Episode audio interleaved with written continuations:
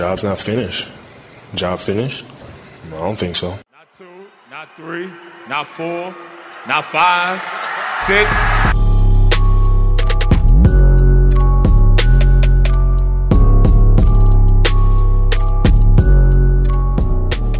Van and Dodo Podcast, ahol hat podcaster összeállt egy közös balhéra. I'm thinking I'm back. Mélyen tisztelt publikum, hölgyek és urak, itt a Van and Dodo Podcast, újra én Mr. White vagyok, és itt van mellettem Mr. Blond. Szia! Csávájt. Képletesen értve mellettem, mert fizikailag nem egy városban vagyunk részletkérdés. Szóval egy nagyon izgalmas témával és egy nagyon izgalmas sorozattal érkeztünk, ez pedig nem más, mint az időutazás, amelyben történelmi tényeket és időszakokat fogunk átnézni, méghozzá jelentős mennyiségű sztori kíséretében. Bizonyos érák, bizonyos hírhet vagy híres vagy izgalmas csapatait dolgozzuk fel, és az első nem más, mint a Portland Jailblazers. Azt hiszem ide olyan nagyon-nagyon hatalmas felvezetés nem kell talán a fiataloknak annyi, akik nem látták ezt a csapatot, hogy bőven rászolgáltak erre a Jail Blazers kifejezésre. És akkor kérlek, vezest fel, hogy mi lesz a tematikánk. Hát a, a 96-7-es szezonban említették meg először a Jail Blazers kifejezést, utalva arra, hogy rengeteg hatósági ügyük volt, akár bebörtönzések, akár csak ilyen-olyan előállítások a rendőrség részéről. Viszont visszaugranék 1988-ba, ahol a Microsoft társalapítója Paul Allen megvásárolta 70 millió dollárért a Portland Trailblazers-t. Azóta is ennek a cégcsoportnak a tulajdonában van a Portland. Paul Allen 2018-ban elhunyt, és jelenleg a testvére Jody Allen vezeti ezt a céget. Paul Allen vagyonát a 2000-es évek elején kb. 40 milliárd dollárra becsülték, szóval eljátszott ezzel a kis csapattal, meg a Seattle Seahawksnak a tulajdonosa is ő volt, illetve a Seattle Sounders futballcsapatnak. Dedikált célja volt, hogy mindig minél jobb csapata legyen, és lehetőség szerint bajnoki címért menjen a csapat, úgyhogy 90-ben és 92-ben Clyde Drexler vezetésével döntőztek is, de előbb a Detroit Pistons-tól, később pedig a Chicago Bulls-tól kaptak ki a döntőben. Utána egy kis lejtmenet érkezett,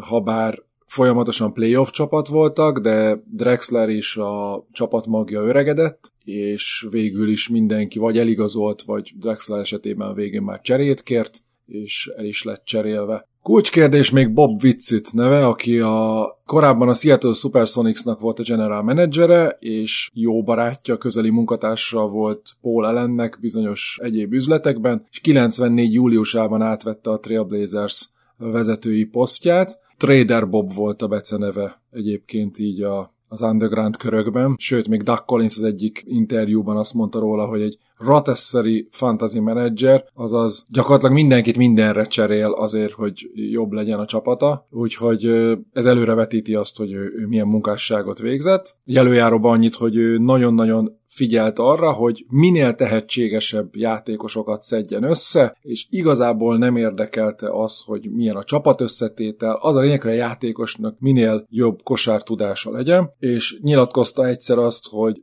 I get my degrees in sports, not in chemistry, ugye ez az angolul értelmes, tehát ugye sportból diplomázott nem kémiából, de a kémiát ugye a csapat kémiára, a csapat kohézióra értette itt ebből a szempontból. Hát és ez majd látszik is az évek során, hogy hogy Szépen öregedett ez a mondata. Igen, szépen öregedett ez a mondat, igen. Szóval nagyjából a 96-7-es szezonig e, itt tartottunk, viszont kettő embert megemlítenék a korábbi időkből. Az egyik Clifford Robinson, aki az utolsó vándormadara maradt a döntőző csapatoknak, a másik pedig Rod Strickland. Rod Strickland egy nagyon-nagyon-nagyon tehetséges irányító volt. Ő vezette a csapatot 92-3-as szezontól a 95-6-os szezonig, ő volt a kezdő irányító. Sok percet átlagolt, nagyon-nagyon nagyon hatékony passzoló volt, rengeteg gólpaszt adott, és nagyon tehetséges volt, amit már említettem, viszont ezzel párhuzamosan borzasztó balhés és New Yorki gyerek volt, hát ott a New Yorki utcákon megkeményedett fiatal korában. A karrierje elején az első spurs évében 21 meccset kihagyott kéztörés miatt, mert egy helyi kocsma előtt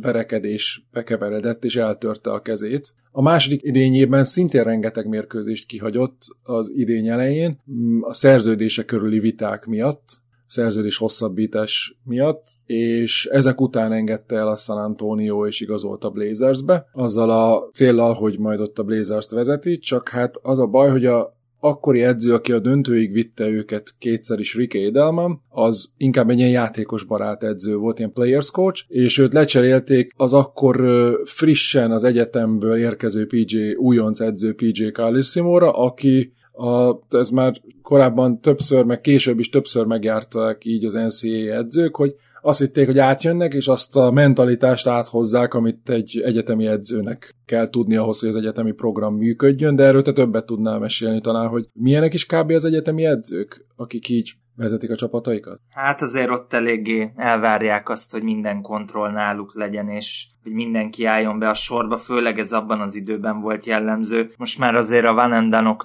vannak olyan programok, amik elég sokat megengednek de azért akkoriban elvárták, hogy mindenki egy fogaskerék legyen a gépezetben. És pont ilyen volt PJ Carlessimo is, emellett rengeteget káromkodott és üvöltözött, és hát ezt Rod Strickland nem vette jó néven igazán, folyamatosan problémákba keveredett az edzővel, és majd a későbbi játékosok se igazán vették ezt. Tudod de, hogy Rod Strickland kinek a keresztapja? Ó, nem. Kinek? Kyrie-nak. Ó, bazd meg, de jó. Oké, okay. zseniális. igen. Zseniális. Jó mentor, igen. Édes Istenem, bazd meg. Ez rengeteget mindent megmagyaráz. Szóval... Az, a szálak összeérnek. Szóval Ross strickland sok probléma volt, és végül is 95-6-os szezon után elcserélték Harvey grant együtt Rashid Wallace-ra, aki a Washington Bulletsben volt az első éves rukiuk, és nagyon tehetséges fiatal, és kellett a Washingtonnak ez a Jumal Howard, Chris Webber Rashid Wallace fém jelezte Washington, tehát Rashid Wallace a másik kettő magas ember mellé igazából nem kellett oda,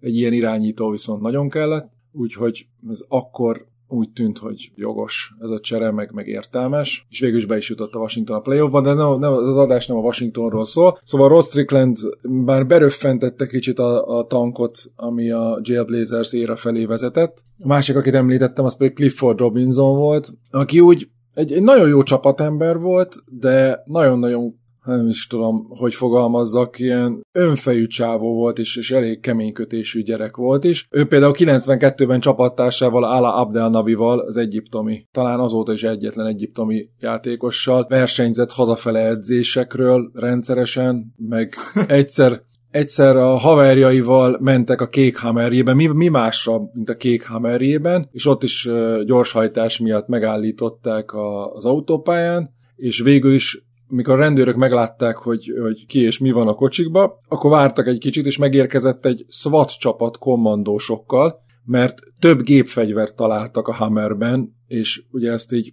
első ránézésre nem tudták megállapítani, hogy mi, hogy merre, úgyhogy kommandósok fogták el őket, de végül kiderült, hogy csak paintball fegyverek voltak. De azért az autópálya közepén előállították kommandósok Clifford Robinson-t és a haverjét a Kék Hammerből. Szóval ez a... Édes is. Azért a 90-es évek eleje, amikor még nem volt Jailblazer széra, az, az, az, az egy ilyen finom dolgokkal kezdődött. Na de kanyarodjunk rá az igazi Jailblazer szérára, ahol az első évben Clifford Robinson is a tagja a 96-7-es idénynek. Itt PJ Carlissimo még az edző. Így van. És ugye, mint említetted, Harvey Grant és Rod Strickland ment, Rashid Wallace jött, az FA piacon megszerezték Kenny Andersont, illetve akkor cseréltek a méltán híres Isaiah Ryderért, Bill Curvit, James Robinsont és egy 97-es elsőkörös pikkért, amiből Paul Grant lett, legyenek ezek bárkik. Igen.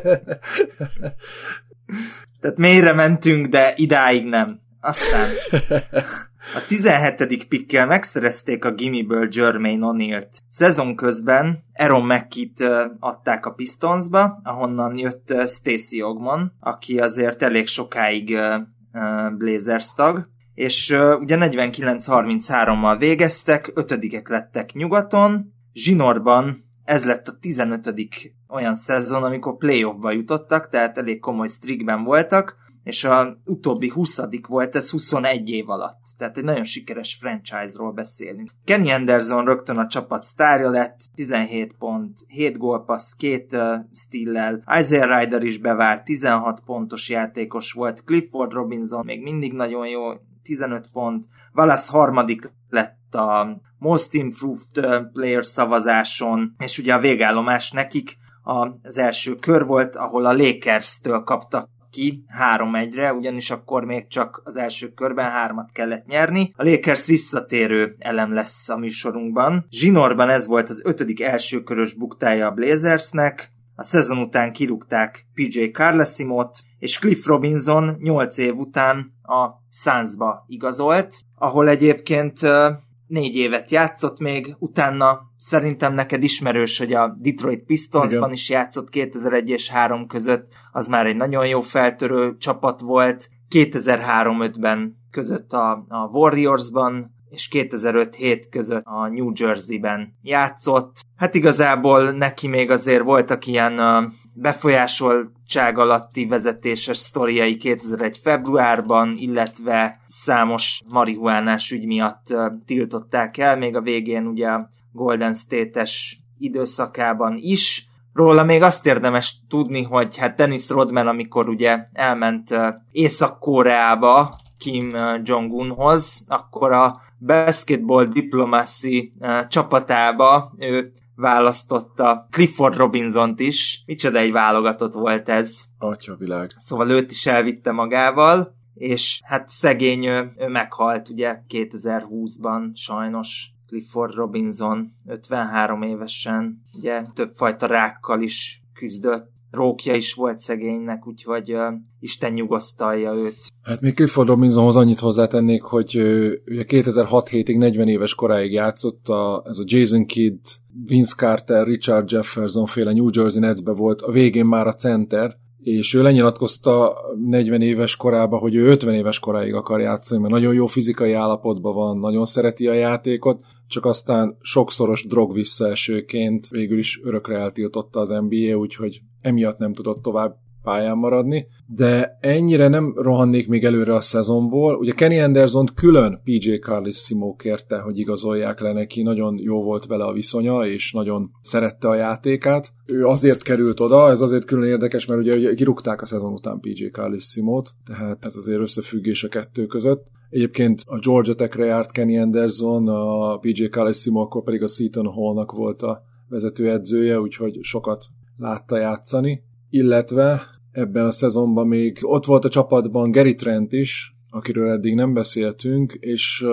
úgy általánosságban véve majd ez, ez egy érdekes minta lesz, hogy a Portland Trailblazers mintha úgy válogatott volna direkt, hogy csak olyan, vagy szinte csak olyan játékosokat igazolt a kulcspozíciókra, akinek vagy nem volt jelen az apja az életébe, vagy halott volt az apja, lehetőség szerint vagy drog túladagolás, vagy valami lövöldözésbe, vagy olyan apja volt, aki korán elhagyta a családot, és vagy bántalmazta az anyját és a gyerekeket. Ez úgy nagyjából, ez egy ilyen sor minta lesz majd később. Gary Trentnél például az apja drug dealer volt, az anyja metamfetamin függő. Gary Trent 9 és 14 éves kora között dealerkedett is, ő maga is. Hát elmondása szerint volt, hogy ilyen 7-8-10 ezer dollárok voltak a zsebébe ilyen 14 éves korába. Csak az az egyik nagynényéhez került jó messzire a szülői háztól, aki jó útra térítette, kiköltözött a gettóból, és végül is a kosárlabda mentette meg a karrierjét.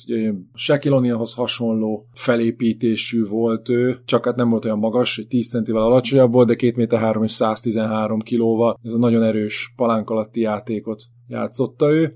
Valószínű már 14 éves korában is elpicsázhatott volna mindenkit, úgyhogy jó helyen volt ez a 8-10 ezer dollár a zsebében. Igen. Abszolút. Szóval Gary Trent is kulcs szereplője volt ennek a csapatnak, tehát ő, aki igazából nem balhézott, de ha úgy volt, akkor odaállt ő is, és megmondta a sajátját mindenkinek, meg meg odavert egyet a pályán is, hogyha oda kellett verni. Csak azért nyitottam vele, mert hogy, hogy eléggé kirívó azért, hogy drogdealer volt az apja, de nem lesz majd kirívó az a sor, mint a későbbiekben. Szóval, hogy említetted a 96-7-es szezont, itt igazából nem végeztek rosszul, az első körbe belebotlottak a Lakersbe, akik elintézték őket, de jól indult a csapat. Rashid Wallace még nem volt az a Rashid Wallace, aki ő maga vezette a csapatot, de igazából egy tehetséges gárda volt, még azt hozzátenném az előző évből, hogy Arvidas Sabonis megérkezett, 31 évesen 95-6-ba, aki hát konkrétan nem volt az az Arvidas Sabonis, aki valaha volt, de még így is 13 pontot, közel 8 pattanót átlagolt, és egy nagyon-nagyon nagy ember, és nagyon-nagyon nagy tömegű ember, tehát 2 méter 21 centis és 126 kilós volt az NBA pályafutása alatt körülbelül. Ez később mm, fel is ment ez a 126 kiló, szerintem ilyen 135-140-re is. De ő az az ember volt, akit egy az egybe fogadhattad vele sekket, mert egyszerűen a méretei és a tömege is megvolt hozzá, és az esze is megvolt Meg hozzá. az esze is, igen. Így van. Arvidas Sabonis az a játékos volt, aki fiatal korában, de úgy képzeljük el, mint, a, mint, mint, mint most Nikola Jokicsot, hogy nagyon jól passzol, nagyon okos, nagyon jól dob, tehát ő neki egy 37%-os triplája volt például ebbe a szezonba, de mellé irgalmatlanul atletikus volt fiatal korába. Szóval az atletikus Jokicsot képzeljük el, és szerintem nem túlzás ez.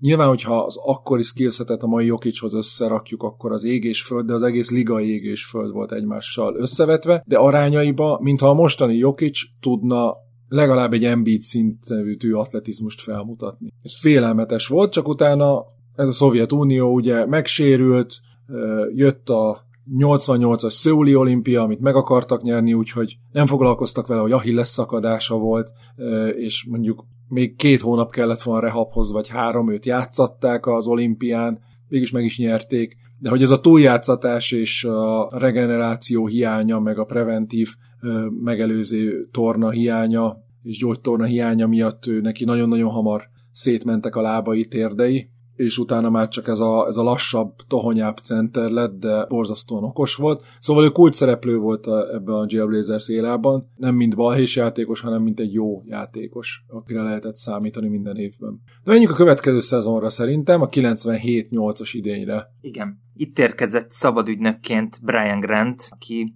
egy ilyen rasztahajú magas ember volt, egy jó munkás magas ember abban az érában, jó pattanózó, mert egy kemény kötésű, és ugye itt érkezik meg az új edző, ugye Mike Dunleavy, aki azért elég sikeres lesz, meg gondolom elég sok sztoriban benne is lesz. Igen, abszolút benne lesz. Ő teljesen ellentéte volt a Carlis Simonnak, tehát ő megint egy players coach volt, de mellette elég jó volt a, a magába a kosárlabda játékba is, és hogy a hogy magát a playeket megszervezze, de ő tényleg egy ilyen jó pofizó edző volt, akivel nagyjából jóba voltak a játékosok. Ugye említetted, hogy Kenny Anderson elsősorban Carles Simo edző kedvéért került a csapathoz, na őt szezon közben el is cserélték, Gary Trenttel együtt, ők mentek a Raptorsba, és megérkezett a Mighty Mouse, Damon Stademeyer, Carlos rogers és volt williams aki egy egész jó tripla dobó wingjátékos volt akkoriban. Ezt a szezont 46-36-tal tolták le,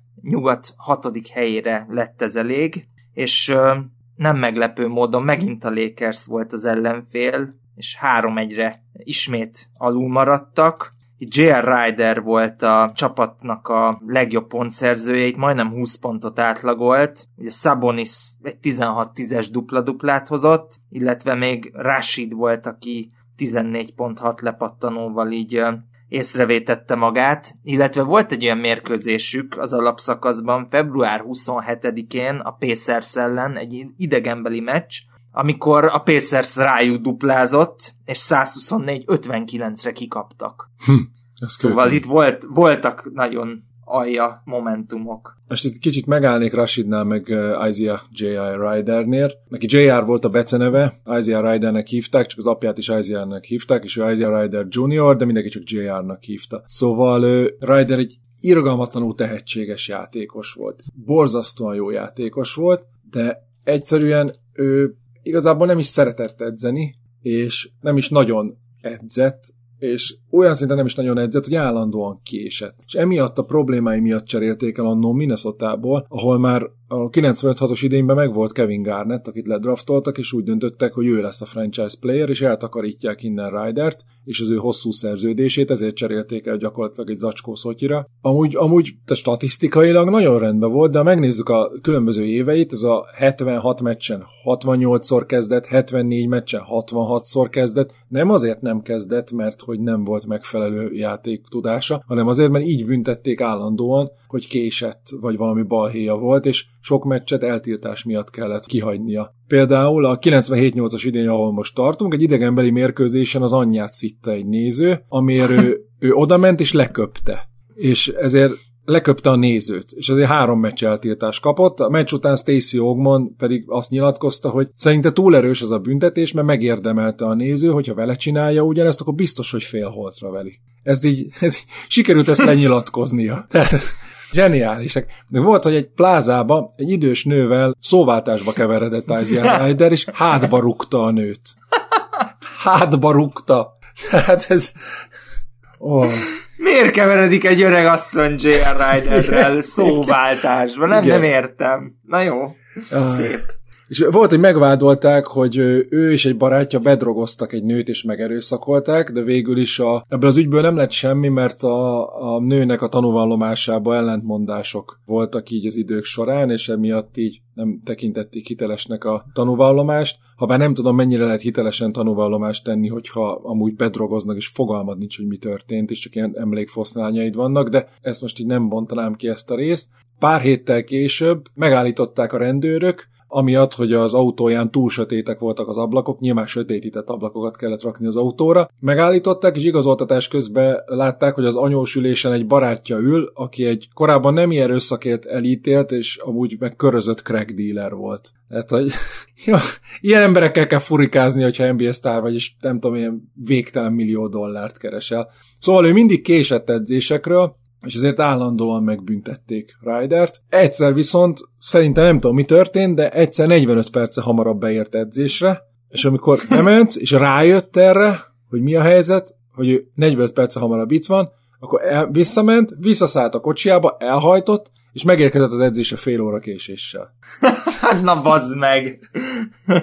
Mekkora troll! Édes Istenem! Haj, van. Szóval, szóval Ryder az, az az ember volt, aki tényleg ilyen elképesztő tehetséges volt, ilyen 20, meg 30, meg 40 pontokat berámolt akárkinek, de ilyeneket csinált folyamatosan. És a sztorik még nem érnek véget, de ez majd egy következő szezonoknál lesz esedékesek. Rashid Wallace viszont ide-ide vonatkozik, ugye ő a Washingtonban az újon CV-ben az első 8 előszezon meccsen 8 technikait kapott. Volt a Washington évében egy, egy meccs, ahol hozzávágta a labdát Luke Longleyhoz, amikor összeszólalkozott Webberre, és ezért kiállították. És ez a Portlandi első évében, ez az a 96-7-esben, meg utána 97-8-asra is átnyúlt az, hogy ő, neki volt egy lánya egy nőtől, még a, a korábbi lakhelyén, és ez, ez nem Portlandben volt, Portlandben egy másik nővel házasodott össze, akivel jó sokáig együtt éltek, és nem tudom, hogy mai napig együtt élnek de, de ott több gyerekük is van, és ők, ők boldogan éltek, szóval a, Három. Igen. az első lányának az anyját állítólag folytogatta, és ezt hát nem csak állítólag, mert ő beismerte tulajdonképpen, és ezért elítélték 30 nap közmunkára és némi büntetésre, pénzbüntetésre, hát a mai nap, manapság ez nem így történik már. És később a lányának, az, a, ugyanennek a nőnek, a lánya anyjának az autója elé állt az óvodánál keresztbe, és ott üvöltözött a nővel, Közben a többi szülő se ki sebe, mert konkrétan a bejáratnál keresztbe elállta a bejáratot, hogy ne lehessen kijönni a parkolóból, és aztán végül is a rendőrség távolította el onnan Valaszt és, a, és az autóját, hogy eltessékelték onnan. Az Hát első azért bli- nem tudom, ha te szülőként így jössz ki az óvodából, Rashid Wallace meg keresztbe áll, akkor nem hiszem, hogy mondod neki, hogy És üvöltözik egy takarodjál már el onnan a kurva bazd meg, tűnjél már innen, mennék, mennék a gyerekemmel legózni. Igen. Ó. és egyébként rengeteget fogadkozott, hogy jó, hát ez a Washingtonban volt, meg hogy megváltozik, koncentrálni fog, nem tudom minden. Az első Blazers meccsén két technikai kiállítás. Hát, hogy ez, ezek után. Szóval bekezdtek, bekezdtek a srácok, és a 97-8-as idényben ugye... Lehet amúgy ő úgy értette, hogy meg fog változni, és most már nem csak egy technikait fog kapni meccsenként, hanem kettőt. Igen, ami automata kiállítás. Ja, szóval a 97-8-as idényben nem tudom, hogy eljutottunk-e odáig, hogy ismét a playoffban a Lakers-szel találkoztak. El, el igen. Igen, szóval a lakers találkoztak a playoffban, és ugyanúgy kiestek ellenük, és akkor szerintem kanyarodhatunk a 98-99-es idényére a Portlandnek, ami egy sikeresebb idény volt, mint az eddigiek. Igen, igen, itt abszolút felívelő volt a, a csapatnak a státusza. Ugye itt a FA piacon megszerezték Jim Jackson-t és Greg Antonit, valamint a jó öreg Bonzi Wells-t a 11. választással. Ugye a Pistons-tól sikerült megszerezni, egy 99-es első körösért, amiből Jumaine Jones lett, és egy 2000-es secondből, amiből a méltán híres Scooney Penn Tehát a Pistons jó cserét csinált. Tehát az, az, az a Jermaine Jones pick az 1 per 27 lett. Tehát, hogy az 1 per 11-edet elcseréled, egy olyan future first ér, amire, amire nem laksz ilyen olyan védettséget, hogy ne legyen kurva szar, és a 11-est elcserélted a 27-esre. Ez mekkora deal? Hát ez, Igen. Na jó, igen, megszerezték Bonzi Wells-t, aki egyébként így rákötnék, hogy Bonzi Wells már középiskolás korában is problémás gyerek volt. Hát az a, az a, az a kemény fejű gyerek volt, aki később is lesz majd az NBA pályafutás során. Középiskolás korában az első All-Star mérkőzésén összeveszett az All-Star csapat edzőjével, ezért fél időben ott hagyta a meccset. Az All-Star meccset. Igen. Majd pár nappal később megvádolták, hogy összevert és erőszakoskodott szexuálisan egy lányjal, mert az nem akart vele lefeküdni. Édes Istenem. Tehát, hogy Akkor így... most itt kötnék oda, hogy, hogy a, a név nem mindig köteles, hogy tudod-e, hogy miért Bonzi. Nem? Azért, mert amikor az anyja várandós volt vele, akkor mindig egy bombon ízű jégkrémet kívánt, és azért két éves koráig körülbelül bombonnak hívták, aztán ebből lett az, hogy bonz. Hmm. De, de ő nem az a bombon gyerek. Hát ő, a, ő a nagyon sok alkohollal és csilivel töltött bombon volt. Igen. Ja. Szóval a, a 98-99-es csonka szezonnál járunk, ami technikailag 99 februárjában kezdődött, és, és hogy folytatódott? Hát úgy, hogy ők 35-15-tel lehozták ezt a csonka szezont, és ezzel másodikak lettek nyugaton. Nagyon érdekes kis csapat volt, mert J.R. Ryder volt a scoring leader 13,9 ponttal. Gyönyörű. Tehát elég mély csapat volt, és nem az, ahol agyondobták az ellenfelet. Rashid Wallace itt a padról jött, 12,8 pontot átlagolt, és második lett a hatodik ember választáson. Stademeyer itt már eléggé bejátszotta magát, 12.6 gólpassz, Brian Grant egy 11.10 lepattanós dupla-duplát hozott, Sabonis 12.8 lepattanó, volt Williams és Jim Jackson is szintén a padról 9-9 pontot hozott, tehát ez egy nagyon-nagyon masszív, mély csapat volt, mindenki bele tudta rakni a melót a közösbe, és Mike Dunleavy az évedzője lett. És ugye itt uh, elérkezünk a playoffba, ahol Bocsi, végre Mike Dunleavy-re, bocsik, belekötnék, hogy, Igen. hogy, vagy ezt hozzákötnék, hogy igazából itt valaki azt nyilatkozta, hogy önmagába azért kapta az évedzője díjat, mert le tudott hozni egy olyan szezont Isaiah Ryderrel, ahol majdnem minden mérkőzésen pályára tudott lépni Ryder, és helyel közel nem sok balhéja volt abban a szezonban. Ez önmagában egy Coach of the Year-t ért. Ez gyönyörű. Tehát akkor a playoffra rákanyarodva 3-0-val söpörték a Phoenix Suns-t, és 92 óta először jutnak tovább, tehát először mennek egy kört a playoffban. Oké, okay, bocsi, bocsi, megint közben. más- A Phoenix, Phoenix elleni szériából van egy sztorim, hogy kettő nullára vezettek a Phoenix ellen, ugye két hazai mérkőzést megnyerték, majd utaztak Phoenixbe, de Ryder lekéste a csapatbuszt, és hát ott a csapat nem indult el nélküle, hanem az egyik stábtag felment a, a hotelbe megnézni, hogy mi van már Ryderrel, hol jár, mert nem vette fel a telefont, meg még semmi nem történt. Elment a szobájához, ahol épp szexhangok jöttek ki, mert Ryder épp dugott egy nőt. Hát indul a csapatbusz, basszeg. És akkor bekopogott, hogy mi a fasz, és akkor mindjárt megyek, és egy öt perc múlva nem volt cuccokkal, meg minden gyors lerendezte a bulit. Kurva élet. Hát figyelj, ez a, a playoffba le kell vezetni a feszkót. Igen. De úgy, hogy egy gyönyörű szériája volt, tehát tényleg egyedül kivégezte a suns az első két meccsen. Vagy meghúzott egy ilyet. Igen, ugye söprés lett, mint említettem. A második körben pedig azzal a Utah Jazz-zel találkoztak, akik ugye 97-ben és 98-ban is vitték nyugatot, tehát döntöztek, ugye a Chicago ellen mindkét esetben, és itt 4-2-re verik ezt a Utah Jazz-t, úgyhogy a nyugati döntőbe kerülnek, ahol azonban a későbbi bajnok San Antonio Spurs, ugye a David Robinson, Tim Duncan féle csapat kisöpri őket. Igen, ott volt És- Sean, Sean Elliottnak ott volt az a, az a csodadobás a, sarokból. Igen. Azt hiszem második vagy har, harmadik mérkőzésen, amikor gyakorlatilag lábújhegyről dobta el úgy, hogy a centikre volt az oldalvonal a lábától a triplát a, a meccs végén. Ha az nem megy be ott, akkor nyernek, és teljesen más lett volna a 3-0 helyett 2-1-nél a széria. Mert amúgy meg nagyon jól ment a Portlandnek azon a mérkőzésen. És valószínű egyébként a New Yorkot megverték volna a döntőben. Hát azt a New Yorkot, igen, azt valószínűleg megverték volna. Akkoriban, aki nyugatról bejutott, az szinte biztos volt, hogy behúzza. Még hogyha nem is simán nyertek döntőket a nyugati csapatok, de az, az egy nagyon-nagyon erős nyugat volt. És a Spurs bajnok is lett, igen, ahogy említetted. Van-e még ebből a szezonból sztori, vagy ö, ugorhatunk Hát ilyen, az ilyen olyan sztorik vannak, amik átkötnek a következőre, de akkor, Mhm. akkor azért hozzátenném, igen, hogy, hogy a 97-8-as playoffban ugye a lakers esett ki a Portland, és ott volt egy az egyik mérkőzésen egy olyan eset, ahol John Barry, a legendás Rick Barry fia, a Lakers gyakorlatilag pattölteléke volt, és folyamatosan beszólt Rydernek a kis pattól, és a következő idényben már Sacramento-ba játszott Barry, és az egyik egymás elleni mérkőzésen összeakaszkodtak, és a földre kerültek mindketten, ahol Ryder belerugott a földön fekvő Barrybe, amire a Sacramento játékos felkelt, és trash talkolt neki, Ryder meg lepofozta tehát így tenyérrel telibe verte. Majd egy későbbi mérkőzésen Ryder testvére összeveszett a tizedik sorban a nézőkkel, ahova felszaladt Ryder rendet tenni, de végül is komoly balhé nem történt. És egyébként a, ez, a, ez a tök jó szezonjuk előtt, 97-8-as idény után el akarták cserélni Rydert a Portlandből a balhéi miatt, de Bonzi Wells lenyilatkozta, hogy borzasztóan szomorú lenne, ha elcserélnék, mert ő a tökéletes mentor számára. És teljesen igaza volt, csak ugye nem kosárlabda szempontból gondolta. Képesztő. Tehát, hogy a, valakinek a tökéletes mentor. Isaiah Figyelj, ha Ryder. ilyet nyilatkozik Bonzi Wells, hogy Isaiah Ryder a tökéletes mentor, az nem egy kibaszott nagy red flag, és mind a kettőt küldöd valamerre?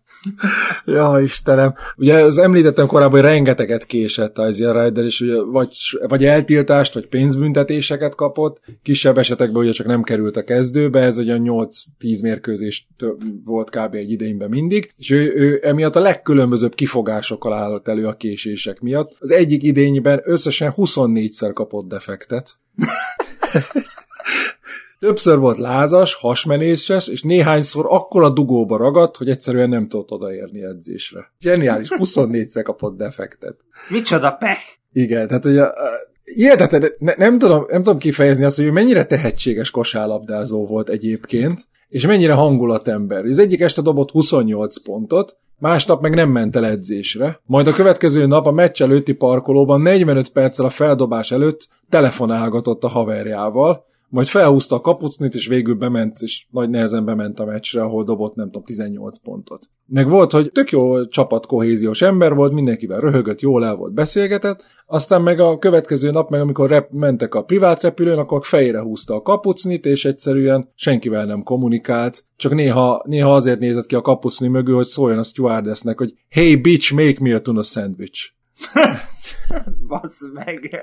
Amúgy ez egy klasszikus korkép is lehet. Egy ilyen, um, most hirtelen nem jut eszembe, hogy ez milyen személyiség, aki nagyon fönt van, meg nagyon lent. De azért, hogyha lettek volna értelmezhető csapatpszichológusok akkoriban, akkor lehet, hogy ezekkel a játékosokkal valamit talán lehetett volna kezdeni, ki tudja. Hát, én nem tudom. Például a 97-8-as idényben volt még egy olyan eset, ahol a saját szurkolói kifújolták a problémái miatt Rydert, és ő, ő igazából azt mondta, hogy ezt nem érdekli, de nagyon megviselte valójában. Az egyik mérkőzés után köszönés nélkül, meg minden öltözés nélkül kiment az autójához és elhajtott. Se interjú, se semmi, ami ugye egyébként kötelező mérkőzések után. Azért büntetést is kapott értelm, értelemszerűen. A következő nap viszont Összeszedte magát és nyilatkozott a, a médiának, és elmondta, hogy meglátása szerint a portlandi közönség rasszista, és azt sem lepné meg, hogy a 30-40 kilométerenként egy néger lenne felakasztva egy fára. Mi ilyet van, ilyet nyilatkozott? Igen.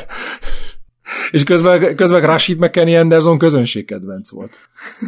Nem lepné meg. Ez, két, ez 99-ben, hogy 40 méterenként négerek De, de 40 lennének kilométer, felakasztva. 30-40 kilométerenként. Tehát a Oregon államban itt-ott fel lenne egy-két néger akasztva. Édes Istenem. Na, ez szép. Én nekem amúgy, én nem értem, hogy a közönség miért nem szerette, én imádtam volna. biztos, biztos imádtam volna én is. Ó, az meg. Oké, okay. Tekerjünk tovább a, a legsikeresebb idényükre, a 99-2000-es szezonra. Igen, és hát ugye Rydert itt elcserélik. És a Ryder, Ryder összegzéseként a Portlandi karrierjéből 12 mérkőzést hagyott ki eltiltás miatt, és összesen 600 ezer dollárnyi büntetést fizetett be. Így zárta Igen. a portlandi karrierjét. Gyönyörű. Igen, és uh, ugye nem tudom, hogy említettük-e, de úgy építettük fel a tematikát, hogy az ilyen lényeges szereplőknél, mint mondjuk J.R. Ryder, ha elcserélik, akkor végzünk egy kis utánkövetést is, és nagyon örülök neki, hogy végre én is beszélhetek J.R. Ryder sztorikról. Tehát ugye Ryder Lenny Wilkens edző kezei alá került Atlantába, amely cserét ugye Lenny Wilkens egyáltalán nem akart Steve Smithért cserébe, aki közönségkedvenc volt Atlantában, és egy nagyon jó játékos. És ugye Ryder ugye egy orlandói idegenbeli meccsen lebukott, hogy a hotel szobájában füvezget, és ezért ugye a liga elterelésre akarta küldeni, ami ellen ő ellenkezett, és egészen addig folytatta ezt az ellenkezést, amíg 200 ezer dollárra meg nem büntették, azért az, az akkori időben ez nem kevés pénz volt, most sem az, de akkor még inkább sok volt, és ugye folytatta a problémáit, nem ment el meccsekre, vagy hát késett edzésekről is, és végül márciusban kivágták Atlantából. És ugye 2000-es, 2001-es szezonban ő a Lakershez került, ahol ismét drog problémákkal küzdött. Ő volt a fő scorer egyébként a padról, ez mindent elmond az akkori Lakersről, 7,6 ponttal. Hm. Ö, Ő bajnok is lett nem, ott. Ezt igen, folytatom, hogy, hogy végül ő a playoffban nem lépett pályára, mert Tyron Lue kiszorította őt a keretből, de egyébként gyűrűt nyert, tehát a, a Lakers elküldte neki is a gyűrűt, és 2002-ben ö, vonult vissza Denverből, ahol már csak 10 meccsen lépett pályára, azonban a rendőrségi ügyei folytatódtak. 2007-ben eh, egy jó kis bűnhalmazattal kapcsolták le. Kokainbirtoklás, rendőrségi intézkedésnek való ellenszegülés, testi sértés miatt 7 hónapos börtönbüntetésre ítélték, aminek a felét le is töltötte. Később azt nyilatkozta, hogy élete legsötétebb időszaka volt ez az egész. Elmondása szerint senki még csak meg sem látogatta, még csak levelet se írtak neki, és elmondása alapján úgy érezte, ugye, hogy ő neki egész végig a karrierje alatt fake friendjei voltak, tehát nem voltak igaz barátai, mert magára hagyta mindenki. Amikor börtönbe került, akkor az anyja kómába került, tehát még ez is egy ilyen borzasztóan nehéz időszak volt, viszont ő így teljesen megváltozott ezt követően, és jótékonysági alapot is hozott létre, a Sky Rider Foundation-t. Ez ugye gyerekeknek segített kibontakozni, illetve vallásos hívő ember lett belőle, és ilyen prep schoolok, tehát most ilyen, hát ilyen általános iskola, vagy ilyen kisgyerekek edzésével foglalkozik. És rendszeresen szerepel podcastekben ilyen különféle csatornákon, és tényleg jó útra tért. Még az atlantai szezonjára egy nagyon-nagyon rövidet visszacsatolnék, hogy ő, ő ott is ezt folytatta, hogy az első meccsen nem volt a csapattal, aztán több mérkőzésen dobott 28 pontot, aztán 5-öt, mert kiállították, aztán volt ilyen széria, hogy 32, 28, 16, 30, 23, 30, 30, 32, 38, 34. Elképesztő scorer volt, de egyszerűen, egyszerűen összeférhetetlen, és amikor a Lakersbe odaérkezett Ryder, akkor ő ott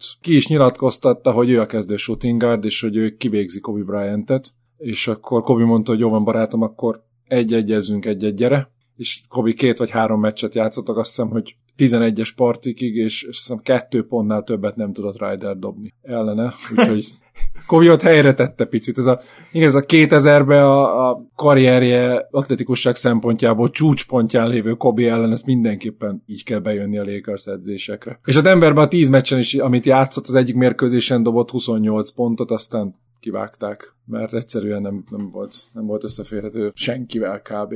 Ja igen, és még annyi, hogy ő, ő visszautasította, tehát itt Denverben, amikor már nem játszott, hogy visszautasította használni azt a szót, hogy ő, ő visszavonult, mert azt nyilatkozta, hogy ha esélyt kap, akkor ő még bármikor képes. És végül neki ilyen karrier átlagja volt, hogy 16,7 pont, 4 lepattanó, 3 gólpassz, és 9400 pontot berámolt a 9 éves NBA. Ez nem kevés. Na igen, 99-2000-es idény. Igen, a, azt hiszem, hogy a csúcspont, ha, ha játék tudást tekintjük. Megszerzik Scotty Pippent a Rakic-től, hat darab játékosért, a lényegesebbeket mondom el. Stacy Ogmon volt Williams és, és Brian Shaw mentek többek között a Rakitzbe. Aztán érdekesség, hogy Stacy Ogmont kivágta a Rakic, és őt októberben visszaigazolta a Blazers, tehát... De akkoriban Stacy... még ez lehetett, azóta Igen. változott egy szabály, az Ilgauskas szabálynak hívják ezt, mert ezt csinálta a Cleveland, hogy elcserélte Washingtonba Ilgauskas-t, a Larry Hughes féle csomagért,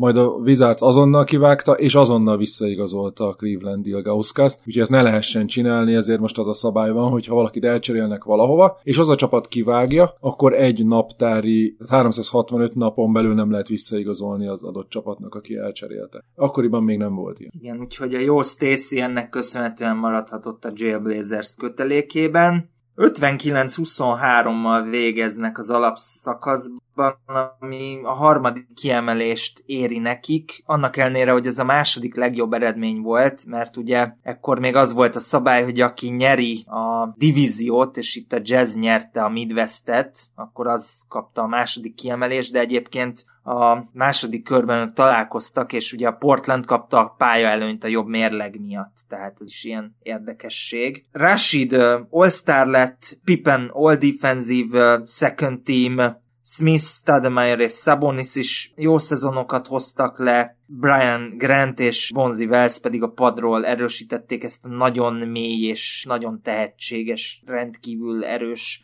csapatot 18. alkalommal zsinórban playoffba kerül a Portland, rákanyarodva a playoffra. Még annyit szól, hogy én, körben... bocsi, hogy én nem Igen? mennék el amellett, hogy Detlef Schrempfet is leigazolták szabadügynökként, aki szintén egy nagyon masszív NBA veterán volt, aki tudott hozzátenni a csapathoz. Szóval ez egy olyan mély csapat volt, ahol ez emiatt sokat reklamáltak az ellenfelek is, hogy hát persze ennyi, ennyi milliárdos tulajdonossal nem érdekli őket a luxusadó. Ez ami elképesztő, tehát a luxusadó többszöröse volt, luxusadó határ többszöröse volt a fizetésük összesen ennek a csapatnak, és hogy a, ennek a csapatnak a második sora máshol a fél ligába kezdett volna igazából és tényleg később nyilatkozták is, hogy olyanok voltak az edzések, hogy a második sor vérre ment az első sor ellen, hogy megmutassák, hogy ők jobbak, és ugye a pálya mellett lévő két-három-négy pihenőjátékos vagy cserejátékos, aki épp nem játszott az 5 az 5-be, azok is sokszor kezdők lehettek volna más csapatok, bizonyos csapatoknál mondjuk ilyen Stacy Ogmonok. De akkor térjünk a playoffra. Igen, a playoff első kör, 3-1-el elintézik a Timberwolves-t, második kör ismét jut a Jazz, 4-1-re nyer a Blazers, tehát nem izzasztják meg őket az ellenfelek, és a nyugati döntő a régi ellenség ellen, a Lakers ellen. Egy-háromra vesztésre áll a Portland, visszakapaszkodnak, elérik a hetedik meccset Los Angelesben, ahol az utolsó negyedben 10 perccel a lefújás előtt 15 ponttal vezetnek, ekkor a Lakers tol egy 15 0 ránt, és végül is megnyeri ezt a mérkőzést, és ez egy történelmi összeomlás a Blazersnek. Ugye később a Lakers bajnok lesz az Indian ellen nyernek, szerintem nem kérdés, hogy a Portland is megverte volna a Pacers-t. Akkora összeomlás volt ez, hogy a Blazers 2014-ben tud újra playoff párharcot nyerni, amikor Lillard buzzerjével verik a Yao-féle Rakicet, és 2019-ben kerülnek újra nyugati döntőbe. Igen, ugye ebbe, ebbe a 15 0 rohanásba 13 darab zsinórban kihagyott mezőny kísérlet volt a Portlandnél. És Mike Dunleavy mondta, hogy hatszor megnézte a meccset aznap éjjel, amikor kikaptak, és végig elemezte a negyedik negyedet, és mondta, hogy konkrétan mindent jól csináltak. Jó dobó helyzeteket alakították ki, azok a játékosok dobták el, akinek el kellett dobnia, tehát Rashid Wallace dobott hatot, hiszem Steve Smith négyet, Stademeyer kettőt, meg mit tudom én, talán Pippen, meg Sabonis egyet, egyet, tehát hogy nem olyan játékosok dobták rá, akik nem kellett volna eldobni. A 13-ból 11 jó kísérlet volt, és kettő oké okay kísérlet volt, összesen egy eladott labdájuk volt az egész negyedben, egyszerűen az, az volt a probléma, hogy nem mentek be a dobások. De mindent jól csináltak, és hogy egyszerűen azt mondja, hogy megnézte, és így nem hitte el, hogy tehát ilyen nincs hogy ennyi, ennyire nem működött a dolog. És hogy ebben, ebben az idényben volt Bonzi Wellsnek egy esete még az alapszakaszban Carmelon ellen, ahol egy lepattanó csatában belekapaszkodott Melon kezébe, és megpróbálta lerántani, ezt nehezményezte Melón, és ott összeakaszkodtak. Aztán Melon megkérdezték az esetről a meccs után, és azt nyilatkozta, hogy ilyet nem lehet csinálni kosármeccsen, hogy lefogod valakinek a kezét. Habár otthon a gyerekeivel szokott hasonlóan játszani, de azok komolyabb megterhelés jelentettek neki, mint Bonzi Wells.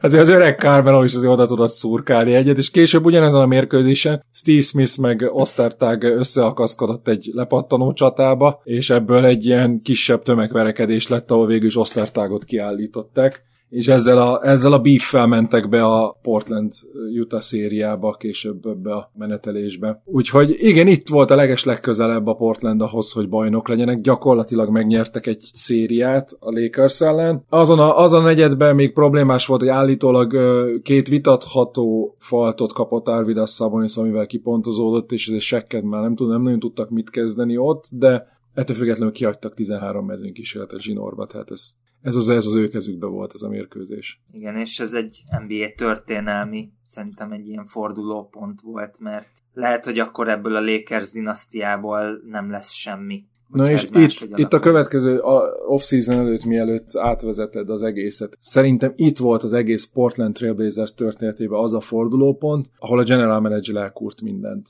Mert ezt a Igen. csapatot kurva jól összerakta Bob Witzit, és itt úgy érezte, hogy tovább kell menni, tovább kell cserélni, de hát úgy, úgy nézett ki a csapat, ugye, ahogy említetted, hogy nagyon fiatal German O'Neill, a még mindig nagyon jó Scotty Pippen, a rohadt jó 25 éves Rashid Wallace, a stabil Sabonis, a 30 éves Steve Smith, a 26 éves Damon Stoudemire, a 27 éves Brian Grant, akinek ugyan lejárt a szerződése, a 23 éves Bonzi Wells, Greg Anthony korrekt csereirányító volt, Stacey Ogmond korrekt csere volt, Szóval ez a csapat nagyon mély volt, és innen Ezt jött vissza az. kellett volna hozni, ahogy Ezt volt, úgy, ahogyan és... vissza kellett volna hozni, csak Brian Grantnek nem akarták kifizetni a nagy hosszabbítást, mert ő valami nagyon-nagyon sok pénzt kért, ahhoz képest irányosan sokat, és ő nem nehezményezte, hogy ő kiszorult a kezdőből Rashid Wallace miatt, habár azt elismerte, hogy Rashid Wallace jobb játékos jelenleg nára, mert ő sérülésekkel bajlódott, de, de Brian Grant közönségkedvenc volt. Hát ő ebbe a Jailblazers érába azon kevesek egyike volt, aki egy igazi példakép volt, még Steve Smith meg Pippen mellett. Szabonis is annak mondható, de ugye nem volt amerikai, tehát ő törte az angolt is, meg mindent, nem nagyon tudott a közösségbe beilleszkedni, ő ilyen kis magának való figura volt, így mindig elvonult, és esetleg egy-két segédedzővel beszélgetett. Szóval ezt a csapatot így kellett volna visszahozni, ehhez képest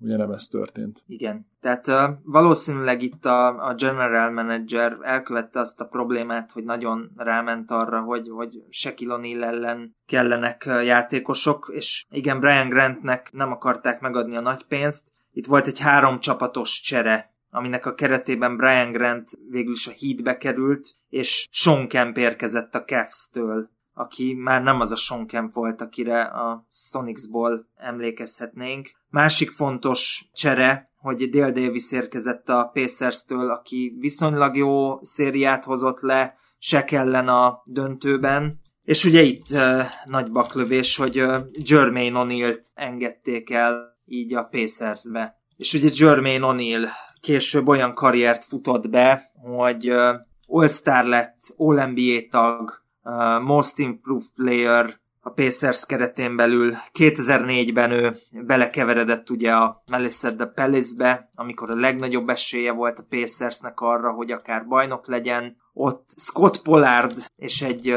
kommentátor elmondása szerint attól féltek, hogy Jermaine O'Neal agyonütött valakit. Erről ugye felvétel is van, hogy amikor elcsúszik, úgy pofán vág egy túlkolót. Azt, hogyha nem csúszik el, akkor igen, ott halálba üti azt az embert. Később egyébként még Toto, Miami, Boston, Phoenix és Golden State karriert futott be, de ugye érződik, hogy ez már ilyen panic move volt a vezetőség részéről. És az volt a probléma ezzel, hogy, hogy Bocs, hogy egyébként Pippen szerint is óriási hiba volt O'Neal Germant elcserélni, mert nagyon-nagyon-nagyon tehetséges volt, de Jermaine O'Neal pedig nyilatkozta, hogy ő, ő nem látja a helyét, hogy Sabonis és Rashid mögött, meg Brian Grant mögött ő hol tudna pályára kerülni. Sabonis még öreg volt már, úgyhogy talán még őt centert meg nem, nem igazán akart játszani, ő négyest akart játszani. És Pippen szerint ugye ez óriási hiba volt, meg az is, hogy nem kérték ki a véleményét erről, mert ő megmondta volna, hogy German semmiképpen ne adjuk el, mert kurva tehetséges, és inkább ráépítsünk. És hogy Pippen szerint az is probléma volt, hogy Seattle-ben élte a GM Bob Witzit, és nem volt egyáltalán csapat körül akkoriban,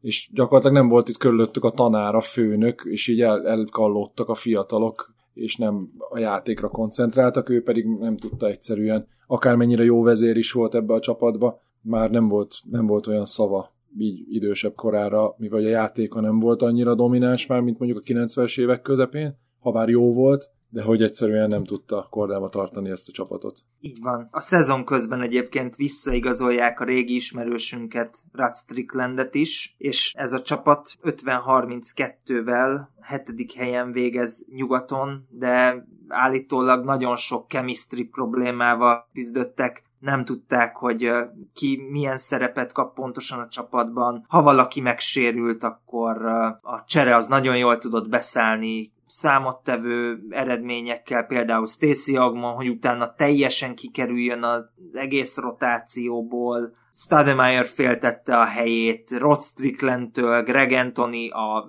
cserehelyét féltette, Szóval itt hiába volt nagyon-nagyon jó a keret, számos kemiszű problémával küzdöttek, és Bonzi Wells a utolsó hónapban egy season ending térsérüléssel kiszállt, és azért ő a rájátszásban nem is tudott pályára lépni. Igen, ebben a szezonban volt, hogy Ross Stricklandet említetted, Gary Grantet vágták ki miatta, azért mert Gary Grantnek problémája akadt a rendőrséggel, mert itt a vezetés miatt lekapcsolták, és ezért őt kivágták 2001-be, és szintén ugyanemiatt csak háromszor követte azt a védséget Ross Strickland Washingtonban, és őt is kivágták, és ezért újraigazolták Stricklandet, és mit ad Isten, a következő héten itt is letartóztatták Stricklandet ittas vezetésért. És a játékosok elmondása alapján a későbbiekben ez volt az egyik legnagyobb probléma, hogy Stricklandet oda vitték, aki perceket követett magának, és egyébként nem volt egy jó csapatember, illetve az is, hogy Detlef Schrempf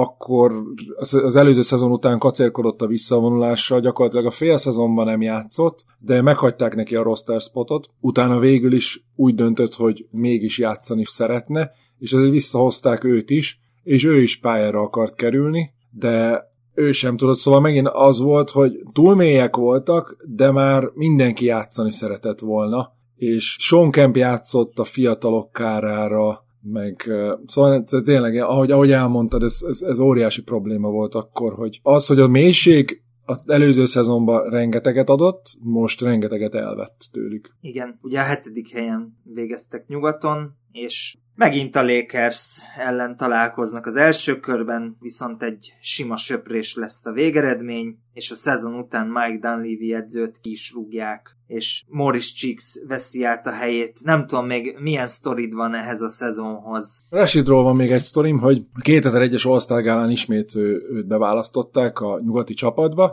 de Rashidnak nem volt kedve All-Star gálát játszani, úgyhogy le is nyilatkozta, hogy a felesége sokkal izgatottabb, mint ő, és ez egy egyéni elismerés, őt nem érdekli a, az All-Star gála, ő inkább lenne bajnok, mint hogy 50-szeres All-Star, és igazából Pippen és Steve Smith járt jól, akik jelen jelenleg Hawaiion pihennek, ő meg ő is inkább szívesen süttetné a hasát, meg áztatná a fenekét a tengerben, mint hogy itt All-Star gálán játszik, és egyébként magára az All-Star gáládba is beleszart, dobott valami kettő pontot kilenc mezőny kísérletből, azt hiszem. Nekem van egy olyan sztorim, ezt nem tudom, hogy te ismered-e vagy hallottad, de hogy uh, itt annyira megromlott már a viszony a játékosok és Dan Levy között, hogy egy ilyen uh, öltözői uh, veszekedésnél külön kellett választani Dan Levy-t és Rashidot, és Dan Levy már üvöltött, hogy engedjetek, nem érdekel, hogyha összeverekszünk, mindenki tudja, mi lett volna a vége, de hogy már Dan Levy-nél is ennyire elpattantak a húrok. Egyébként már uh, Sabonisba is belekötött Rashid. Igen, igen, az, ezzel emlékszem, mert hogy Szabon is sokat floppolt, és az egyik flopnál úgy ütött hátra, hogy eltörte Rashid egyik fogát. És erre kurva Igen, ideges lett Rashid, és, és lement, a, és hozzávágott valamit, azt nem emlékszem mit, törölközőt, vagy mit hozzávágott a kispadon ülő Szabonisnak egy időkéréskor, és akkor itt történt meg az ominózus eset, amit mondtál, és Detlef Schrempf meg végignézte azt, hogy az edzők semmit nem mondanak erre a meccsen, majd oda ment egyesével az összes edzőhöz és segédedzőhöz és mindenkihez, és you're a pussy, and you're a pussy, and you're a pussy, and you are also a pussy. És így kiment az öltözőbe meccs közbe, és hazamentek. És ezután vissza is vonult Schrempf. A Neki ez szezon annyira után betett. visszavonult, igen. igen, egyébként Sabonis, ugye miután megtörtént ez az eset, hogy, hogy Rashid ott szitkozódott neki, meg hozzávágott ezt-azt, állítólag teljesen nyugodtan annyit mondott valamelyik segédedzőnek, hogy I will kill him. Igen, igen, igen. És azért egy 140 kilós Sabonis már ilyet mond a végén. Egyébként ő is visszavonult a szezon végével, szóval Igen. gyönyörű kis szezon volt. Itt már érződik, hogy, hogy azért itt most már lassan a balhék átveszik a szerepet a kosár teljesítmény fölött. 2001-2. Igen. Steve Smith kikönyörgi magának, hogy elcseréljék, elmegy a Spursbe, Derek Anderson és Steve Kerr érkezik. Smith 2003-ban bajnok lesz a spurs ő egyébként nem volt annyira balhés, de később is jótékonykodik nagyon sokat, és sportkommentátor lesz. 2001. július 30. Nagyon-nagyon piros betűs jeles dátum. Leigazolják Ruben Petterson. Yes. és draftolják egyébként eh, Zach Randolphot. Még az előző cseréhez, bocsa, Derek Anderson érkezéséhez ugye hozzátenném, hogy Derek Anderson illik a sor mintába, Detroit gettójából érkezett, bizonytalan volt egyáltalán, hogy tudnak-e aznap enni vagy sem, olyan családból jött, rengeteg barátja vagy sitten volt, vagy halott volt akkorra, mikorra ő NBA játékos lett, tehát ez teljesen normális, hogy ezeket a játékosokat igazolják le. Egy És- ilyen csapatban, amit ugye felsoroltunk, hogy mik voltak. Igen, szezonban. és az általad említett Ruben Petterson Detto, apja és anyja is drogfüggő volt, apja börtönben ült emiatt, Pettersont rablásért ítélték el középiskolás szeniorként, meg később ö, 14 meccsre eltiltották egyetemen, mert pénzt fogadott el, és autók és ingyen vacsorák formájában, szóval ö, Az zseniális. anyja meg is halt egyébként, amikor ő az egyetemen játszott. Igen. Szóval nem egyszerű háttér nála se. Petterson az említsük meg, hogy nem ez az első NBA csapata, és hogy ő a Lakersbe kezdett, de, de ezt á, meghagyom neked Pettersont, mert tudom, hogy a szíved csücske. Én az utóéletéről készültem, tehát én elő... Oké, okay, előélete, akkor elő, ő, ő Lakersben kezdett, ahol csak a meccsek felén játszott igazából rukiként, és edzéseken sokszor meccselt Kobival, úgyhogy amikor ő megérkezett Portlandbe, akkor ő deklarálta, hogy ő a Kobe Stopper, és a Lakers után Seattle-be került, eh, ahol az első évében eltörte egy ember állát egy kocsmai verekedésben.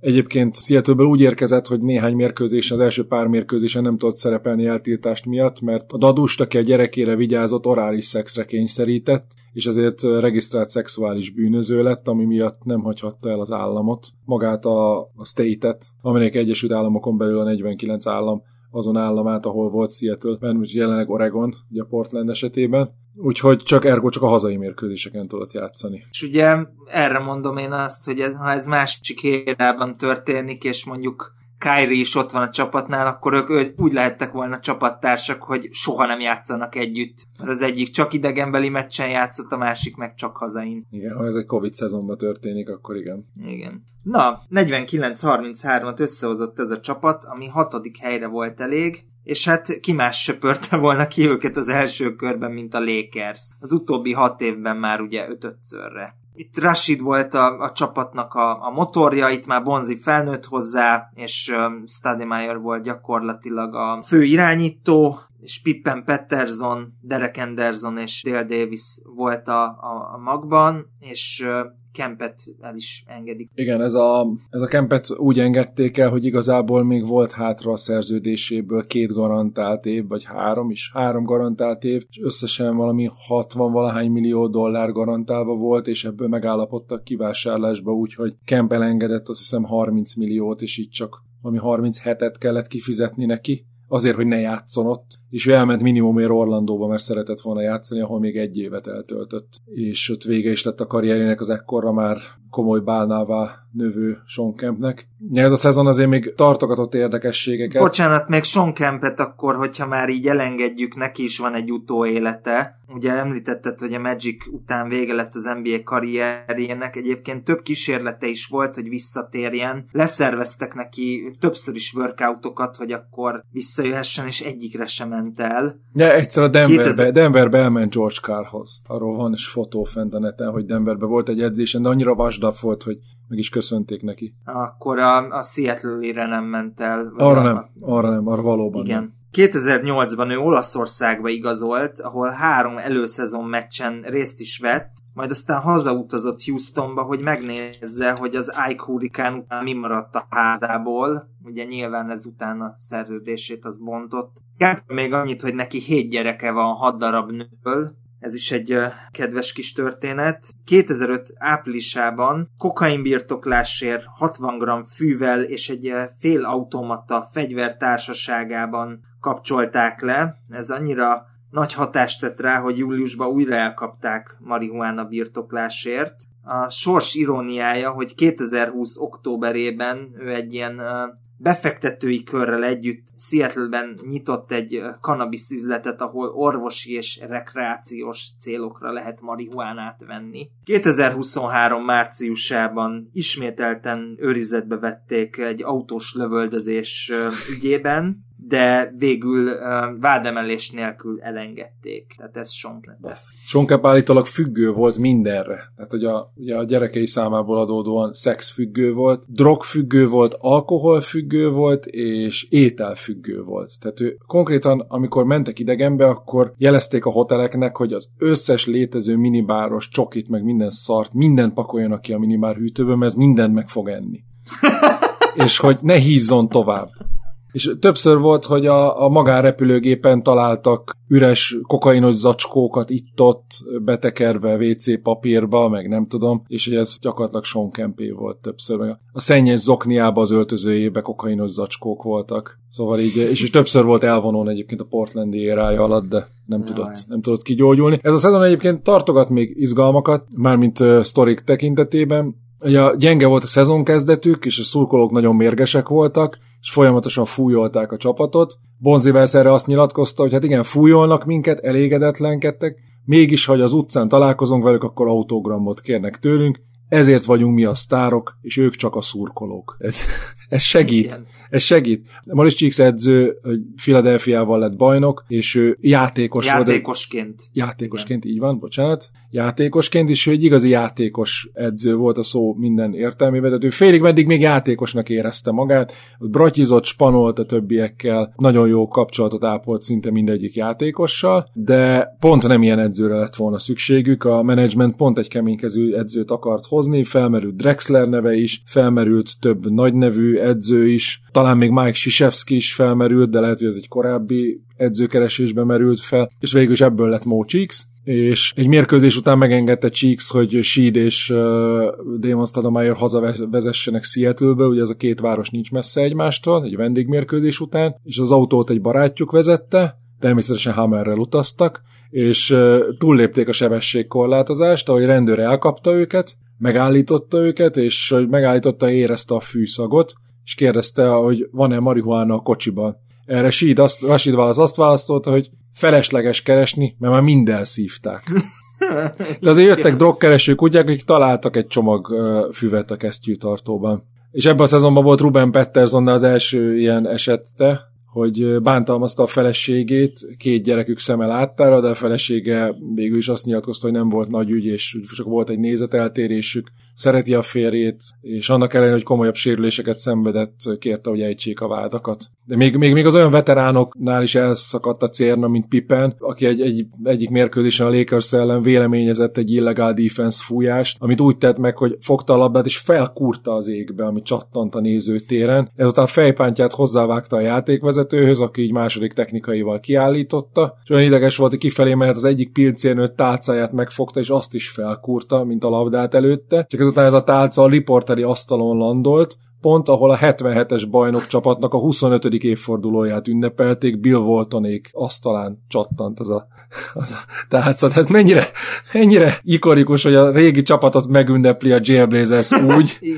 hogy egy kurva nagy barhét csinálnak. És akkor pár nappal ezek után Damon Stoudemire ellen ismét eljárást indítottak, mert az egyik nyaralójába betörtek és kirabolták, a rendőrség jött és házkutatást tartottak, ahol több mint fél kiló marihuánát találtak a tóparti házikóban, ami Oregon államban annyira komoly bűncselekménynek számít, hogy akár tíz év letöltendőt is kaphatott volna érte. De hát ez végül nem történt meg. És még Zach Randolph karrierje ugye itt indult, 20, éves, 20 évesen került a csapathoz, és azért volt érdekes, mert hát ugye nyilván apja börtönbe került, amikor általános iskolás volt, ezt majdnem nem kéne elmondani most már szinte. Ő 14 évesen bolti lopásért, 15 évesen rablásért, 17 évesen egy lopott fegyvert találtak nála, és ezért került bajba, így a középiskolás éveiből rengeteget kihagyott. A 19. helyen vitte előtt a Portland, 11. pikkel a Seattle akarta vinni, de végül kihátráltak, mert a combine a pszichológiai teszten tök utolsóként végzett Zach Randolph. Semmi red ez győzte, meg a, ez győzte meg a Portland. Semmi red flag. Nincsenek red flagek eddig. A Portland, de legalább a Portland tett valamit, egy ex-rendőrt és magánnyomozót, aki egy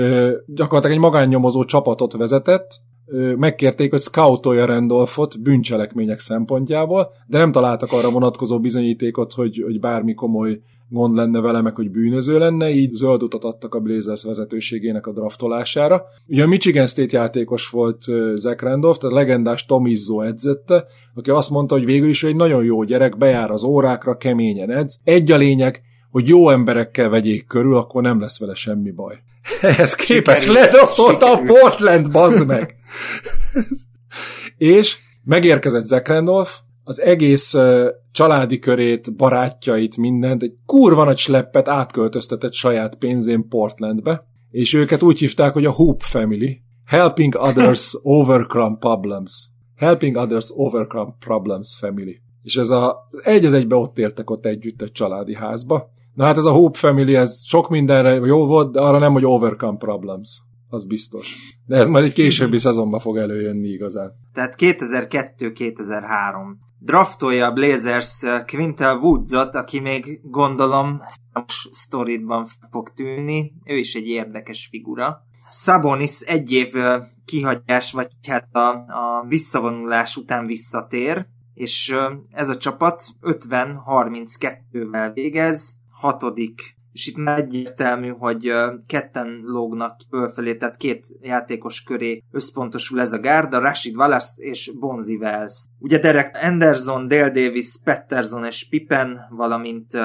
Stademeyer és a másodéves Randolph, aki bontogatja itt a szárnyait. Playoff első kör, ebben az évben módosítják úgy a szabályokat, hogy nem három, hanem négy meccset kell már nyerni, ugyanígy, ahogy, ahogy ugye most is van. És ők a Dallas Mavericks-szel kerültek szembe, ugye a Nash, Novicki, Finley féle Mavs, igen, ahol 0-3-ról sikerült visszakapaszkodniuk uh, 3-3-ig, Randolph két meccsen is ilyen masszív 25-15-öt hoz, és aztán a hetedik meccsen ugye bukják ezt a dolgot. Ugye tavaly a, a keleti döntőben volt legutoljára ilyen, hogy tehát nem, nem sűrűn van, mondjuk 20 évente ilyen, hogy 0-3-ról 3-3 lesz. És ez a, ez a hetedik meccs volt az utolsó playoff meccs a Trailblazersnek 6 évig. És azért ez a 2002-2003-as szezonban is vannak sztori. Meg az az érdekes még így a csapatépítkezésre, hogy ott volt Damon Stoudemire és Derek Anderson, mint két jó guard, erre fel a szabad ügynök piacon leigazolták Antonio daniels és Jeff McInnis-t, mindkettő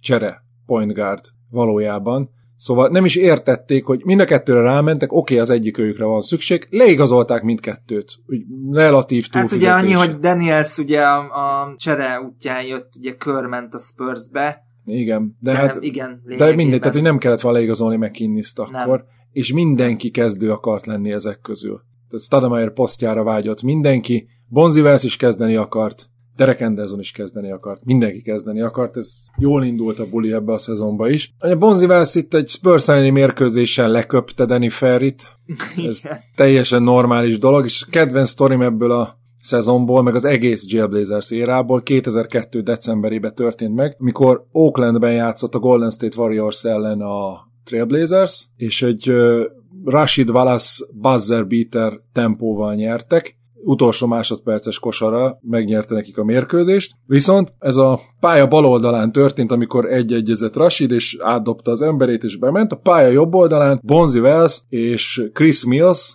a lepattanóért küzdöttek, bement, vége a meccsnek, mindenki boldog, Rashid rohan, az egyik oldalon örülnek, mint az állat, az berolnak, a túloldalon Chris Mills és Bonzi West mindig fogják egymást, és ugatnak egymásnak, és azt hiszem Bonzi már, már ütésre lendíti az öklét, és, és az, aztán meg meglátják Rashidék a túloldalon, rohannak vissza, mint az állat, hogyha balhé van, akkor balhé van, úgyhogy egy ilyen kurva nagy, ilyen, ilyen mint a rögbibe egy ilyen nagy tülekedés lesz, és végül is kitessékelik a, az egész csarnokból a, a Portlandet, bemennek az öltözőbe, Chris Mills megy utánuk, de ő úgy, hogy tud egy hátsó bejárhatot az öltözőhöz, de szerencsére a, a videó elemző ér be legelőször az öltözőbe, aki azonnal bezárta a hátsó ajtót, úgyhogy Chris Mills, Eric Dampier és Gilbert Arenas próbálják berugni a hátsó ajtót az öltözőbe, amit nem sikerül nekik, úgyhogy végül is jönnek a biztonságiak, és meggyőzik Chris Mills-t, hogy ezt hagyják abba. Oké? Okay?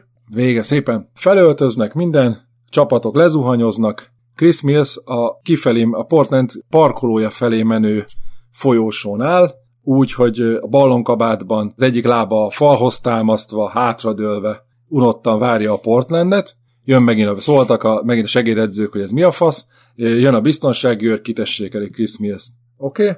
Portland kimegy, felszáll a csapatbuszra, és elindulnak a repülőtér felé, kihajtanak a stadion parkolójából, a, a stadion parkolója mellett Chris Mills a Range Roverébe várja őket, úgyhogy elindul a busz, Chris Mills utánuk megy, majd Chris Mills mögött a slepje megérkezik, megelőzi a buszt, és így egy ilyen, egy ilyen konvojba mennek így, majd leszorítják a buszt oldalra az útszélén az autópályán.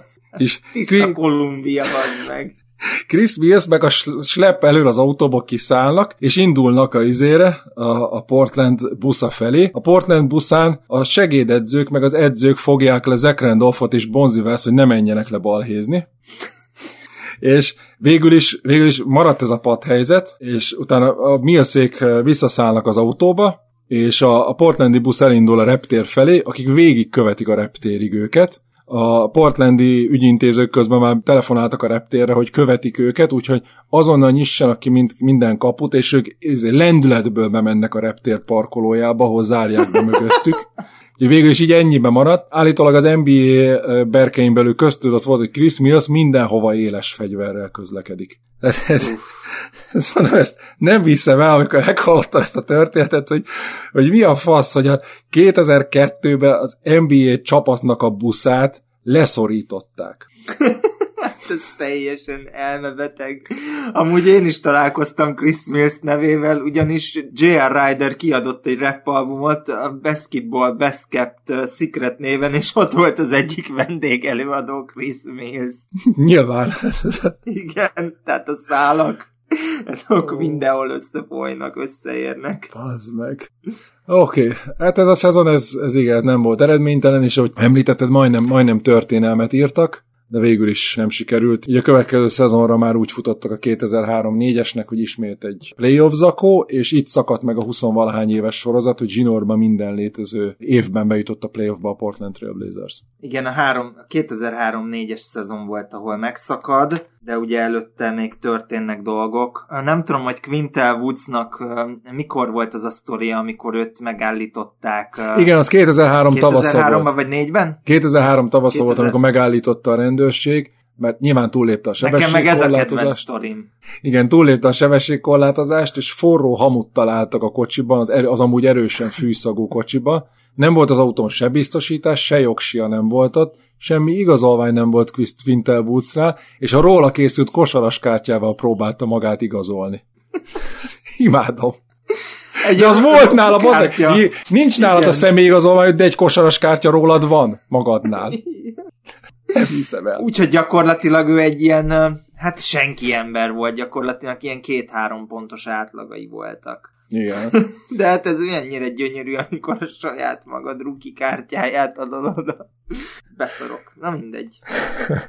Pipennek itt már elege lett a sztoriból, és Nagyon. ő visszament a Bullsba. Igen, olyan, bocsi, olyannyira lett elege, hogy le is nyilatkozta ez a Quintel Woods sztori után, hogy nagyon idegesítenek ezek a dolgok, és zavarja, hogy őket, veteránokat ezzel a Jailblazers image azonosítják, mert idézem Pipent, hogy ez egy idióták gyülekezete. Nem értem, hogy mi a faszért kell gyorshajtani és bulizgatni mindenfelé, Ha megvannak a haverok, akikkel buliznál, akkor megvan a házad, és rendezz egyet ott. Azt csinálsz, amit akarsz. Nem kell jönni-menni az autópályán. Kell jönni, mert zseniális, de milyen igaz? Igen, és Rashid Wallace-nak is volt egy hétmérkőzéses eltiltása ebbe az évbe, mert Steve Javi játékvezetővel beszélgetett, közben pedig Tim Donahue, a hírhet Tim Donahue, akinek később volt hát ilyen fogadási botránya, és saját mérkőzéseire fogadott, ezért lecsukták. Szóval Tim Donahue úgy érezte, hogy tiszteletlen volt Steve Javivel, és technikait adott neki, és mivel Rashidnak ez volt a második technikai, így kiállították. Konkrétan le kellett fogni Rashidot, mikor ökörbe szorított kezekkel rohant a játékvezető felé, és később több játékvezető név nélkül nyilatkozta azt, hogy ott nagyon örültek volna, hogy a Sheed összeveri Danahit.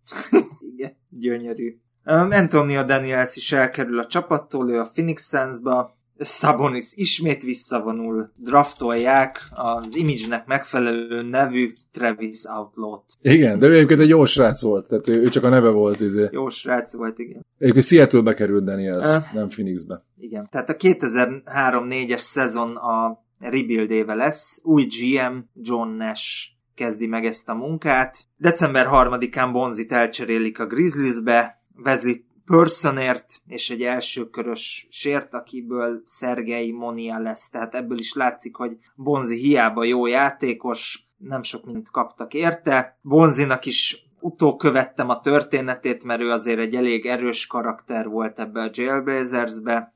2003 és 5 között játszott ő Memphisben, ahol azt gondolta, hogy kibonthatja magát igazán. Hubie Brown alatt nem nagyon játszott, és 2005-ben gondolta azt, hogy Mike Fratellónál már többet fog, nem úgy lett, és a sorozatos problémák miatt őt a, a rájátszásban el is tiltották a Suns ellen, ahol ugye kisöpörték őket. Ezt követően cserélték el a Kingsbe, ahol nagyon jó számokat hozott, az a Kings még rájátszásba is jutott, az akkori nagyon jó Spurs ellen 2006-ról beszélünk, ahol Bonzi West 6 mérkőzés alatt 23 pontot és 11 lepattanót hozott össze, és úgy gondolta, hogy ezután neki egy 5 év 38 és fél milliós szerződés az nem elég megfelelő, tehát ezt ő visszautasította, viszont ezután annyira nem kapott ajánlatot, hogy kénytelen volt két millióért a Racketshez igazolni,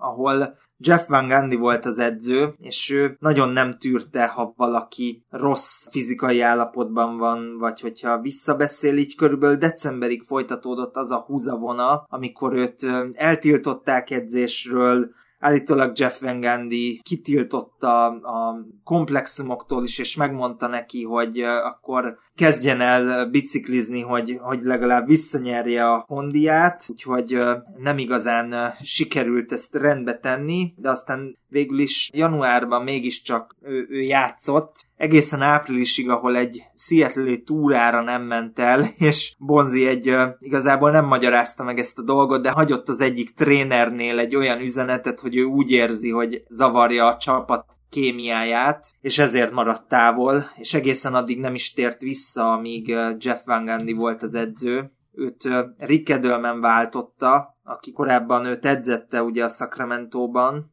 tehát ott ő is egy jó fejedző volt, ott sikerült kisimítani a dolgokat. Végül egy év Hornets karrierrel zárult Bonzi NBA pályafutása, majd ő lenyilatkozta, hogy nem hajlandó liga minimumért játszani, így elkerült Kínába, ahol uh, nyilván egy óriási sztár volt, de 2009-ben még onnan is kicseszték, mert uh, 2009 februárjában ugye a kínai újévi szünetről már nem jött vissza.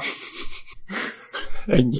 És itt még mindig három éves lett volna az öt éves 38 milliós szerződésében. Igen, tegyük igen, hozzá. igen, úgyhogy itt 2009-ben neki véget is ért a kosár szezon. Tehát Enne, ez- ennek a szezon elején, mielőtt elkerült volna Memphisbe, Bonzi és Quintel Woods mellé személyi asszisztens fogadott a Blazers, akinek az volt a feladata, hogy mindig náluk legyen a jogsi és a forgalmi. Gyönyörű. Micsoda szerepkör, érted? Igen. Ó, az meg. Szóval, igen, 2003-4.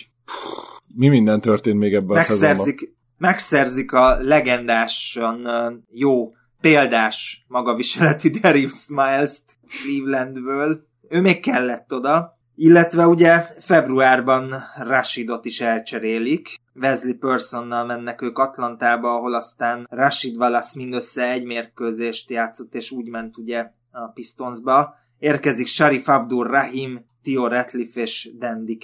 Itt most uh, térjek rá a Rashid utókövetésre, vagy még mondasz róla a Blazers sztorikat? Az utolsó edzésem, mielőtt elcserélték van Rashidot, Ruben Bumtje Bumtje, a legendás Ruben Bumtje Bumtje, ugye, az egyik palánknál tempókat gyakorolt, míg Sheed és Bonzi Wells jól hülyéskedtek a másik palánknál, és azt mondta Sheed, hogy figyelj csak, megfogta a labdát, és izomból hozzá kurta a túloldali palánkon tempózó bumtja bumtjéhez, aki elesett, ők pedig a földön fetvengve röhögtek, majd mindketten kiszaladtak a teremből. És egy mérkőzés után Sídet, Sídet valami nagyon felzaklatta, és azt nyilatkozta az egyik riporternek, hogy azért igazolnak annyi középiskolás játékost, hogy idézem Sídet, azért igazolnak annyi középiskolás nigert, mert túl fiatalok, és nem értenek a bizniszhez, és nagyon jól ki tudják őket zsákmányolni a fehér tulajdonosok. Kifizették őket, hogy fogják be a szájukat, és ezáltal utalt így a modernkori rabszolgaságra. Davis-től másnap egy órán keresztül lobbizott a Portlandnél, hogy küldjék el Rashidot, vagy valamit csináljanak vele, de végül is az alkotmány első kiegészítése a szólásszabadságra hivatkozva elutasították a Portland tulajok ezt a kérést. Rashid Wallace megcsinálta azt, hogy a Portlandnél meg voltak határozva a konditermi edzések időpontjai, és minden kihagyott edzés 500 dollár büntetést jelentett. Sheed bement minden szezonba egy üres csekkel, hogy mennyit írjak rá, mert én biztos nem fogok súlyt emelgetni idén közben. Zseniális. Szóval Rashid Wallace elkerült Portland. Igen, Rashid Wallace kiszáll, ugye egy mérkőzés az Atlantánál, onnan megy a Pistonsba, ahol azonnal bajnok lesz, következő évben is döntőzik, többször a All-Star, utána Bostonba kerül, 2010-es döntőben ugye ott is részt vesz, visszavonul, visszatér még a, a New York Knicksbe 2012-ben, és ugye nem tudom, hogy említetted, de, de a 2001-es szezonban ő ugye rekordot állított fel a 41 technikaiával, ha igen, akkor... Nem említettem, nem, nem, azt meghagytam is. neked, hogy ez a technikai rekordokat, azt, azt nem igen. összegeztem, mert gyakorlatilag minden szezon, minden második mondat az lehetne, hogy így, úgy, amúgy kapott technikai Rashid Wallace. Érdemes YouTube-ra beírni, hogy Jailblazers highlights, vagy Rashid Wallace technical fouls, és ezek a teljesen indokolatlan felüvöltések mérkőzés közben, meg nem tudom, imádom. Igen, és ugye Wallace utána edzősködésbe kezdett, Pistons segédedző is volt 2014-ben, ahol több éves szerződése volt, de amikor Stan Van Gundy került oda, akkor Rashiddal szerződést bontottak, és a 2021-22-ben egyetemi segédedző is lett a Memphis Tigersnél, ahol Penny Hardaway volt a főedző, és még Larry Brown, ugye a korábbi Detroit Pistons legendás bajnokedző volt még eh, segédedző. Na, de ugye Rashid pillanatok, még ugye ezeket csak így neveztem el, ezeket a morzsákat. Ugye ő volt az, aki a Boldon Lie bekiabálást igazán népszerűsítette a ligában. 2012. december másodikán a Phoenix Suns ellen játszottak, ahol uh, Luis Scolát a levegőbe úgy ellökte, hogy uh, technikait kapott ezért, amit uh, Goran Dragic kihagyott, és akkor Rashid beüvöltötte, hogy Boldon Lie, és ezért meg is kapta a második technikaiát, tehát 1 perc 25 másodperc alatt kiállították, ezt én imádtam. Erre emlékszem, igen, ez nagyon jó volt. Aztán ugye a 2010-es playoffban, ami alatt ugye a Bostonnal, a celtics menetelt ugye a, a döntő felé, amit ugye elbuktak a lakers végül hét meccs alatt. Ugye Rashidról azt kell tudni, hogy ő hatalmas nagy Philly Flyers drukker, ami ugye a hoki csapat, és ugye zajlott a, a hoki rájátszás is, és mit ad Isten, ugye a Boston Bruins ellen mentek, és Rashid az összes interjú meg ő úgy mászkált Bostonba, hogy ő, ő Philip Flyers tudcokba, tehát sapka, ezzel rendkívül felkúrta egyébként a helyi drukkereknek az agyát, és ugye a helyzet az súlyosabb lett, mert a Flyers 0-3-ról kicsapta a Bruins-t végül is a rájátszásban, és akkor már követelték a nézők, hogy, hogy most már Rashid azért hagyja már abba ezt a francba, hogy ő Philly Flyers cuccokba mászkál még mindig, és Rashid a szart az egészre, és az egész rájátszásban Flyers cuccokba mászkált. Kufra Még ezt is, ezt is imádtam, hogy ő így nem érdekelte, hogy mi zajlik körülötte. Egyébként, hogy egy szép sztorival zárjuk le a dolgot Rashidnál, ő egyébként egy ilyen alapítványt is létrehozott, ami a Michigani Flintben élőknek segített ivóvízhez jutni, mert ott probléma volt még az ivóvíz is. Ugye onnan jött Kyle Kuzma, Montemoris és ugye Miles Bridges is. Montemoris most hazatért. kiszállónk. Igen. 2003-4-es szezonra rákanyarodva, itt 41-41-jel végez a Portland, tizedikek lesznek nyugaton, ezzel véget ér a 21 éves playoff streakjük. Itt uh, a, annyit érdemes még kosár szempontból tudni, hogy Zach Randolph most improved uh, player lesz, és akkor a sztorik. Hát az idényben ugye Ruben Petterson még ott volt, ott volt Quintel Woods, Zach Randolph, Damon Stoudemire, és még egy-két Darius Miles, és néhány fiatal, a tavaly érkezett Tio Ratliff, aki borzasztó jó szezon véget produkált, amikor az Atlantától Rashidér megérkezett. Egy ilyen 6-8 blokkos meccsei voltak, és egy ilyen megállíthatatlan force volt a palánk alatt. Na, ez a Theo Ratliff eddig tartott, mert kontraktjért Theo Ratliff volt, egy kurva nagy hosszabbítást kötöttek vele, és onnantól kezdve gyakorlatilag lefőtt neki a kávé, nem is igazán hajtott, félgőzzel játszott. Ő maga is lenyilatkozta, hogy hát olyan 70-75 százalékkal küzd. Hát előző szezonban 4,4-es blokkátlaga volt, itt a következő már csak két és fél, egy, hat, és utána meg már is cserélték, és már gyakorlatilag epizód szereplő lett. Szóval ő szépen kidolgozta magának a nagy lóvét, aztán viszont látás. Na de Ruben Petterson gyakran basztatta a fiatalokat, elsősorban Quintel Woodsot és Zach Randolphot, akik nagyon jó barátok voltak, és a privát életben is sokat jártak el együtt, és megfogadták, hogyha az egyik őkre rászáll, akkor a másik besegít.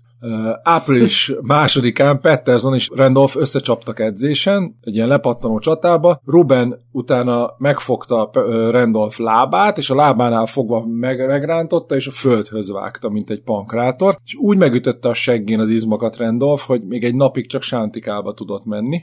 Pár nappal később, edzés közben vélhetően még mindig benne volt az eset Randolphba. Quintel Woods és Petterson egymást fogták egy edzőmérkőzésen, és akkor a veterán Petterson az seggelt, lögdöste Woodsot, de Woods az kemény New Yorki gyerek volt, felvette a kesztyűt, ment az adokkapok, egyszer csak oldalról jött Zach Randolph, és egy kurva nagyot levelt ököllel Pettersonnak, akinek felszakadt az arca, ömlött a vér, és Dale Davis és Jared Dudley együtt tudták egy rövid időre lefogni Pettersont, amíg egy segédedző kivezette a fiatalokat az öltözőbe, de Petterson kiszabadult és ment utánuk, ott segédedző valamennyire feltartóztatta, úgyhogy segédedző úgy nézett ki az ingje, hogy tiszta vér volt az egész, de aztán végül is Petterson abba hagyta ezt az egészet, mert eszébe jutott, hogy a dajkás szexuális zaklatás ügy miatt ő jelenleg próbaidőn, vagy feltételes szabadlábon van óvadék mellett, úgyhogy nem igazán ment komolyabban utánuk, mert azonnal lecsukták volna. Így megúzták, de hát nem volt, nem volt felhőtlen ezek után a következő évben a hangulat, a csapat. Itt ehhez a sztorihoz van egy adalék, hogy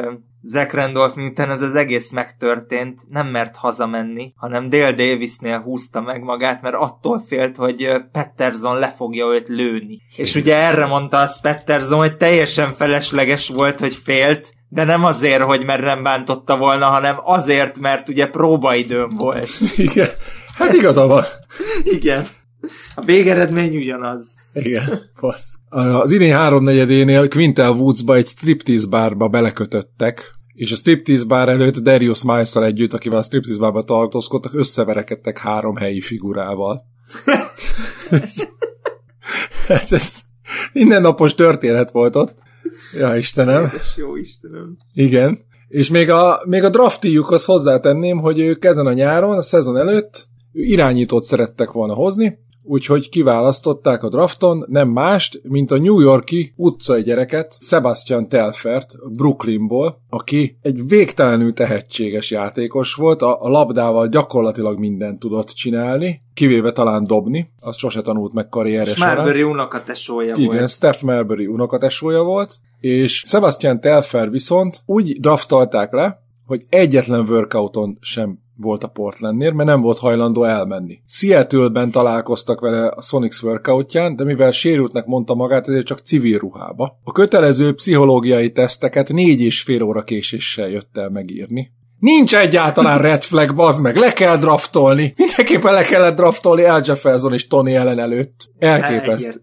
Le kellett draftolni. És Quintel Woodsnál itt jött egy drogrehab a következő nyáron, ugyanott, ahol egyébként korábban Damon Stoudemire is drogrehabon volt John Lucasnak a atlantai központjában majd ezek után Quintel Woods utóéletére tett, észre rá, csak még ebben a szezonban volt egy eset, hogy Darius Miles összeveszett az edzővel Mo cheeks és a mérkőzésen történt ez a veszekedésük, és az edző egy idő után azt mondta, hogy ott hagyja őt, és ott hagyta a pályán Darius miles aki utána üvöltött, hogy ez az, menjél vissza anyádhoz! Így, ez az a saját edzőjének. Elképesztő. Jaj. Úgyhogy pár héttel később elküldték Mo Cheeks-et, és innentől már direkt tankoltak, mert nagyon jó, nagyon-nagyon jó draft osztály volt a 2004-es is, de erre majd utána később odatérünk. Még Sebastian Telferhez egy, egy adalék, hogy 15 millió dolláros Adidas szerződést kötött már a első pályára lépése előtt, úgy érkezett a Portlandhez, hogy ő már egy milliómos volt, és ő elmondása szerint annyira tudta, hogy ő NBA sztár lesz,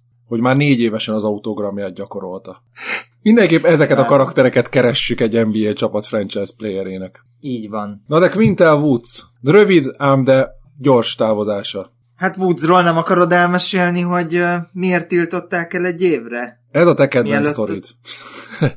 Na jó, nem. Azért tiltották el egy évre, mert állítólag kutyaviadalokat szervezett, és ezért előállították, és a saját kutyáját Hollywoodot sorsára hagyta, mert a kutya nem volt hajlandó harcolni, és ez annyira súlyos bűncselekmény egyébként, hogy annó Michael Vicket ilyenért azt hiszem másfél-két év letöltendőre ítélték el Amerikába, aki NFL szupersztár volt, de Woods ellen nem volt elég bizonyíték, ha bár tanúskodtak ellene, hogy ő szervezte ezeket a viadalokat, de nem volt konkrét bizonyíték rá és ezek után ment drogrehabra 2004-ben, viszont a liga eltiltotta jó sok meccse, és a következő idényben a 2004-5-ösbe pedig pályára se lépett már Portlandben. Igen, és január 21-én pedig vévelték is. Egyébként annyira jól sikerült ez a drogrehab, hogy ugye Európába ment utána, és az olimpiákozban játszott, és gyakorlatilag amikor tartottak a görög döntők, ott két meccs között masszív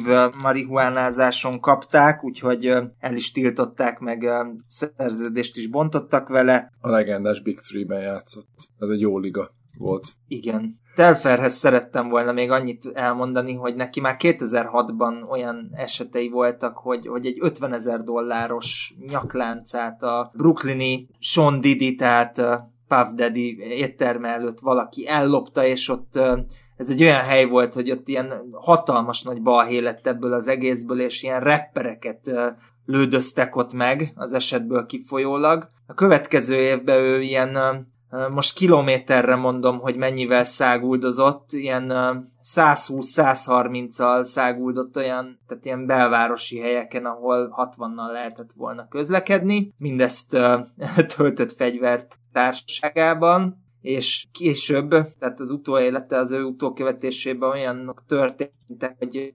2017. június 11-én egy rendőrségi ellenőrzés során őt, ez ilyen röhelyes lesz, de ő kivilágítatlanul rossz helyen is parkolt utána, megtaláltak különböző félindított fűveszéket, a kocsiba három megtöltött fegyvert, félautomata puskákat, golyóálló mellényeket, számos zacskó marihuánát, és különböző táskányi készpénzt találtak nála, ami miatt őt... Hát én is így járok mindig. Ennyi. Ez normális. Ennyi, és 2000, igen, 2019. augusztusában őt három és fél évre el is ítélték, és még most is egyébként egy felülvizsgálata van ennek a sztorinak, tehát Telfer is jól beilleszkedett a csapatba. Mondtad ugye 2004-5-ben 27-55-tel végeztek, és Kevin Pritchard lett a, az ideiglenes edző. És szerintem át is térhetünk 5-6-ra, ha gondolod. térhetünk 5-6-ra. Igen, ahol uh, végül is uh, ilyen számottevő dolgok így kosárlabda szempontból nem igazán történtek. Az viszont nagyon fontos, hogy 2006 februárjában Ruben Petterson egy négyes csere keretében uh, a Denver Nuggetsbe kerül, és hát Petterson később még játszik egy pár csapatban, Milwaukee-ban hozza a legjobb karrier számait, majdnem 15 pontot dob, és végül hol máshol, mint Libanonban fejezi be a kosárlabda karrierjét. Na de, azért neki voltak sztoriai a Portland után is, 2007 májusában ismét a hatóságok kereszt tüzébe kerül, amikor elköltözik Cincinnati-be, ahol ugye regisztráltatnia kellett volna magát, mint ugye szexuális ragadozó, ő ezt nem tette meg, úgyhogy ezért perbe fogták. 2010 márciusában 117-es ezrelékű véralkohol szinttel messzelték el, ami elég magasnak számít. 500 dolláros büntetés mellett háromnapos vezetői tréningre küldték, azért ezt megnéztem volna, hogy Ruben Petterson vezetői tréningen vesz részt, illetve kapott egy olyan javaslatot, hogy ha lehet, akkor 18 hónapig most ne fogyasszon alkohol. Az Ez jó, egy... könnyen meg tudja oldani. Igen. És a leg, legújabb info, amit róla találtam, az 2019-es, ahol tartásdíjat nem fizette, elvileg 100 ezer dolláros tartozás halmozott fel, de egy interjúban elmondta, hogy már fizeti. Úgyhogy ez Petterson, ugye Stademeyer-t is elcserélték, a Memphisbe, ő még ott három évet letolt, végül onnan kivásárolták, és ő később segédedző lett Memphisben és a Celticsben is, és 2023-tól pedig... Játszott a Spursbe is. Így van, onnan lett végül is. Ugye a Spursbe, amikor Tony Parker megsérült, akkor vették fel a Weaverről, de ott már nem sok sót evett meg, és uh, ugye ő, ő most majd a Georgia Tech csapatánál lesz főedző. De én most Ademayernél természetesen az apja elhagyta a családot, amikor óvodás volt. Meg se kellett volna említeni, és középiskolás korába vette fel újra a kapcsolatot a fiával. Szóval ez így teljesen rendben volt, hogy ő érte cseréltek, ő beleillett ebbe a sor mintába.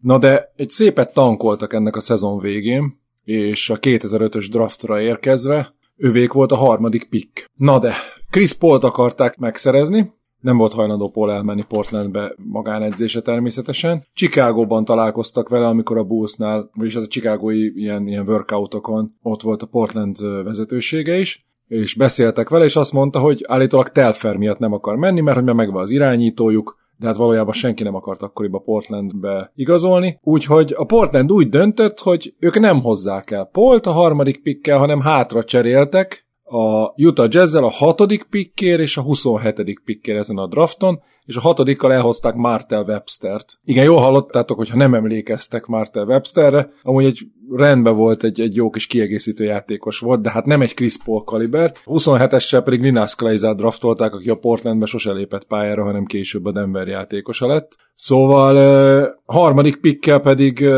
elvitte a Utah Jazz Deron Williams-t, a negyedik pickkel pedig a New Orleans Hornets Chris Paul-t. Úgyhogy akár Deron Williams-t is elvihették volna, ha már irányító kellett nekik. Igen. Egyébként Clayzát Jared Jackre cserélték, szóval szereztek egy irányítót valahogy, de nem biztos, hogy ő kellett volna tankoló Blazers, vagy újjáépülő Blazersbe, de meg amúgy leigazolták a nagy kedvencedet Steve Blake-et is. Az jó, az legalább Igen. verekedni tud, ez teljesen illett a teljesen jött a mentalitásba, és itt már uh, új edző is lett, ugye?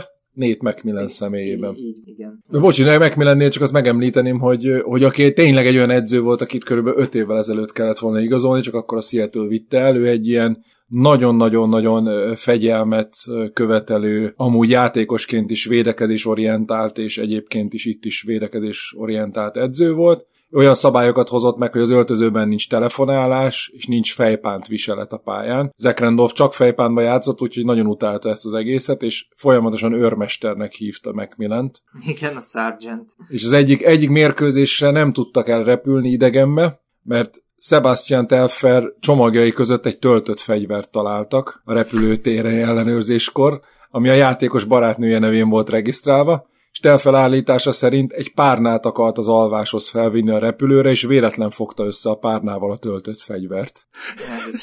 Annyira imádom Akkor, ezt a De bazd meg! De bazd meg! Ezt nem, most ed- eddig bírtam, de most már nem. Tehát akkor ezt hazudja Telfer, akkor ez azt jelenti, hogy ő úgy alszik, hogy a párnája alatt egy töltött fegyver van. Meg, meg érted, mennyire nehéz egy párna, meg nem tudom, fogtál-e már, Ugyan, töltött, fogtál-e már töltött éles fegyvert, neked ez valid ez a kérdés, hogy az egy, az egy bő egy kiló egy töltött fegyver, és egy kis felületen, tehát annak van súlya, és azt, azt úgy kell megfogni, hogy azt meg tud fogni. Tehát az, az, nem, az nem csak úgy összefogsz két párnát. De ez... Hát, hazudni se tudod. Óriási. Zseniális. Jaj. Ja, szóval beszéljük végig a szezont, aztán még mondok egy-két sztorit. Hát igazából Nincs mit beszélni, kutyaszarok 2000 voltak. Kutyaszarok voltak, hát 21-61-jel, ez ugye a 2005-6, és ennyi igazából. 2006-7-ben még 32-50, és mondd el a sztorikat, aztán én lezárom, mert itt már Randolphot elcserélik a szezon után. Hát ha már így Randolph szóba került, akkor nekem is Randolph sztoriaim vannak itt utolsó mohikánként igazából ebből a csapatból. Ugye a Hoop Family helping overcome others problems. Jaj, a Hope Family gyorsulási ver- versenyeket rendezett a városban. Szerintem ők a Helping Overcome Speed Limit kb. Igen. Randolph utasként volt jelen ezeken a versenyeken, és ahogy azt nem értem, hogy egy 120 kilós Randolphot mérültetsz be egy gyorsulási versenyre, de mindegy, utasként volt jelen ezeken a versenyeken, és a rendőrség nyilván előállította őket. A Randolphék kocsiában két illegális félautomata fegyvert találtak.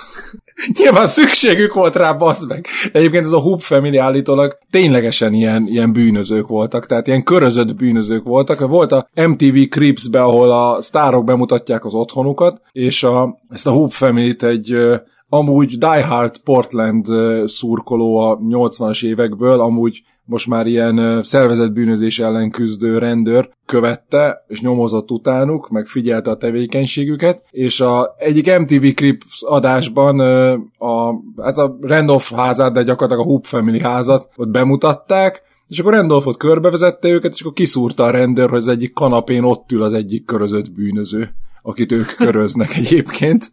És azt tévébe leadták, meg. mutogatják, baszki.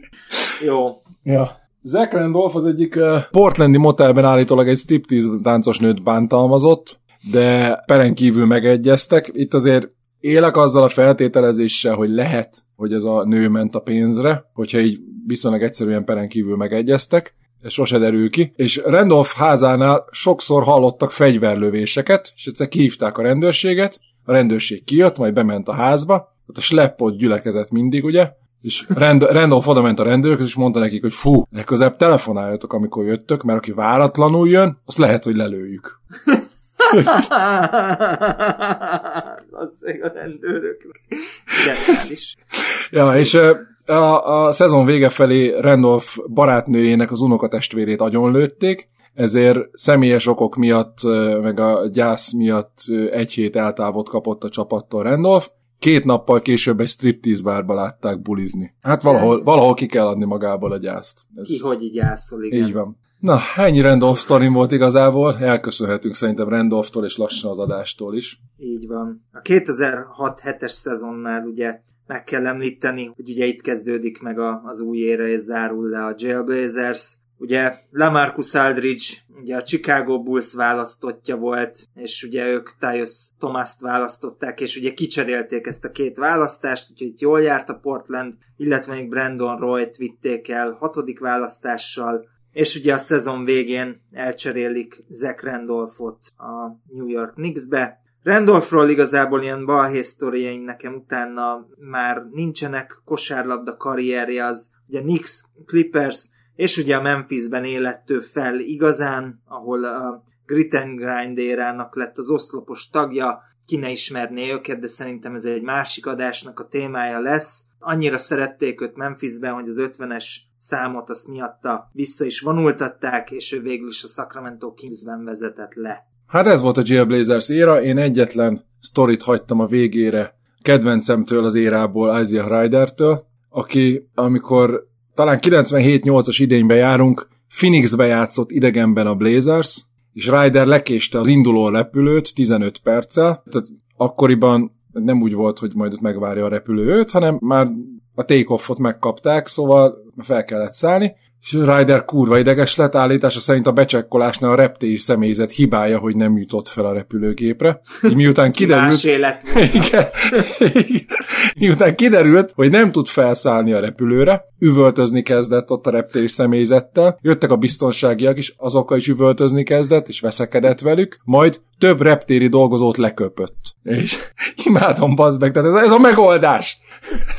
Hogy leköpöd az reptéri dolgozókat, akik szerencsére csak ott dolgoztak, és végül is emiatt polgári peres eljárás indult ellen, és valami több százezer dollárt legomboltak róla a reptéri dolgozók. Hát ez zseni volt a figura. Meg ez az egész éra zseniális volt. Tehát ez, ez, nem tudom elhinni baznak, hogy ez így megtörtént egy, egy szűk tíz éves perióduson belül. Hogy ennyi pénzből ilyen csúcsra eljutottak, majdnem bajnokok lettek szinte. És Rendszeresen playoffba jutottak így, és, meg nyugati és, döntőkbe. Elképesztő. Elképesztő. Ez, ez, ez, szerintem ez sose fogja überelni senki ezt az érát. Viszont mi reméljük, hogy majd előbb-utóbb überelni fogjuk a saját adásainkat, mint ezt is, de de ezek a sztorik nagyon magasra tették a lécet, úgyhogy én köszönöm, hogy összeraktuk ezt blond, és remélem, hogy a hallgatók is annyira élvezték, mint mi, mind a készülést, mind az adást. Hát igen, nehéz lesz ezután a felvétel után visszatérni a, a normális életbe és folytatni a kis dolgainkat. Köszönöm, hogy összehoztuk. Ciao White! Ciao Blond! Sziasztok! Ez volt már a Van and Dodo Podcast. Tartsatok velünk legközelebb is!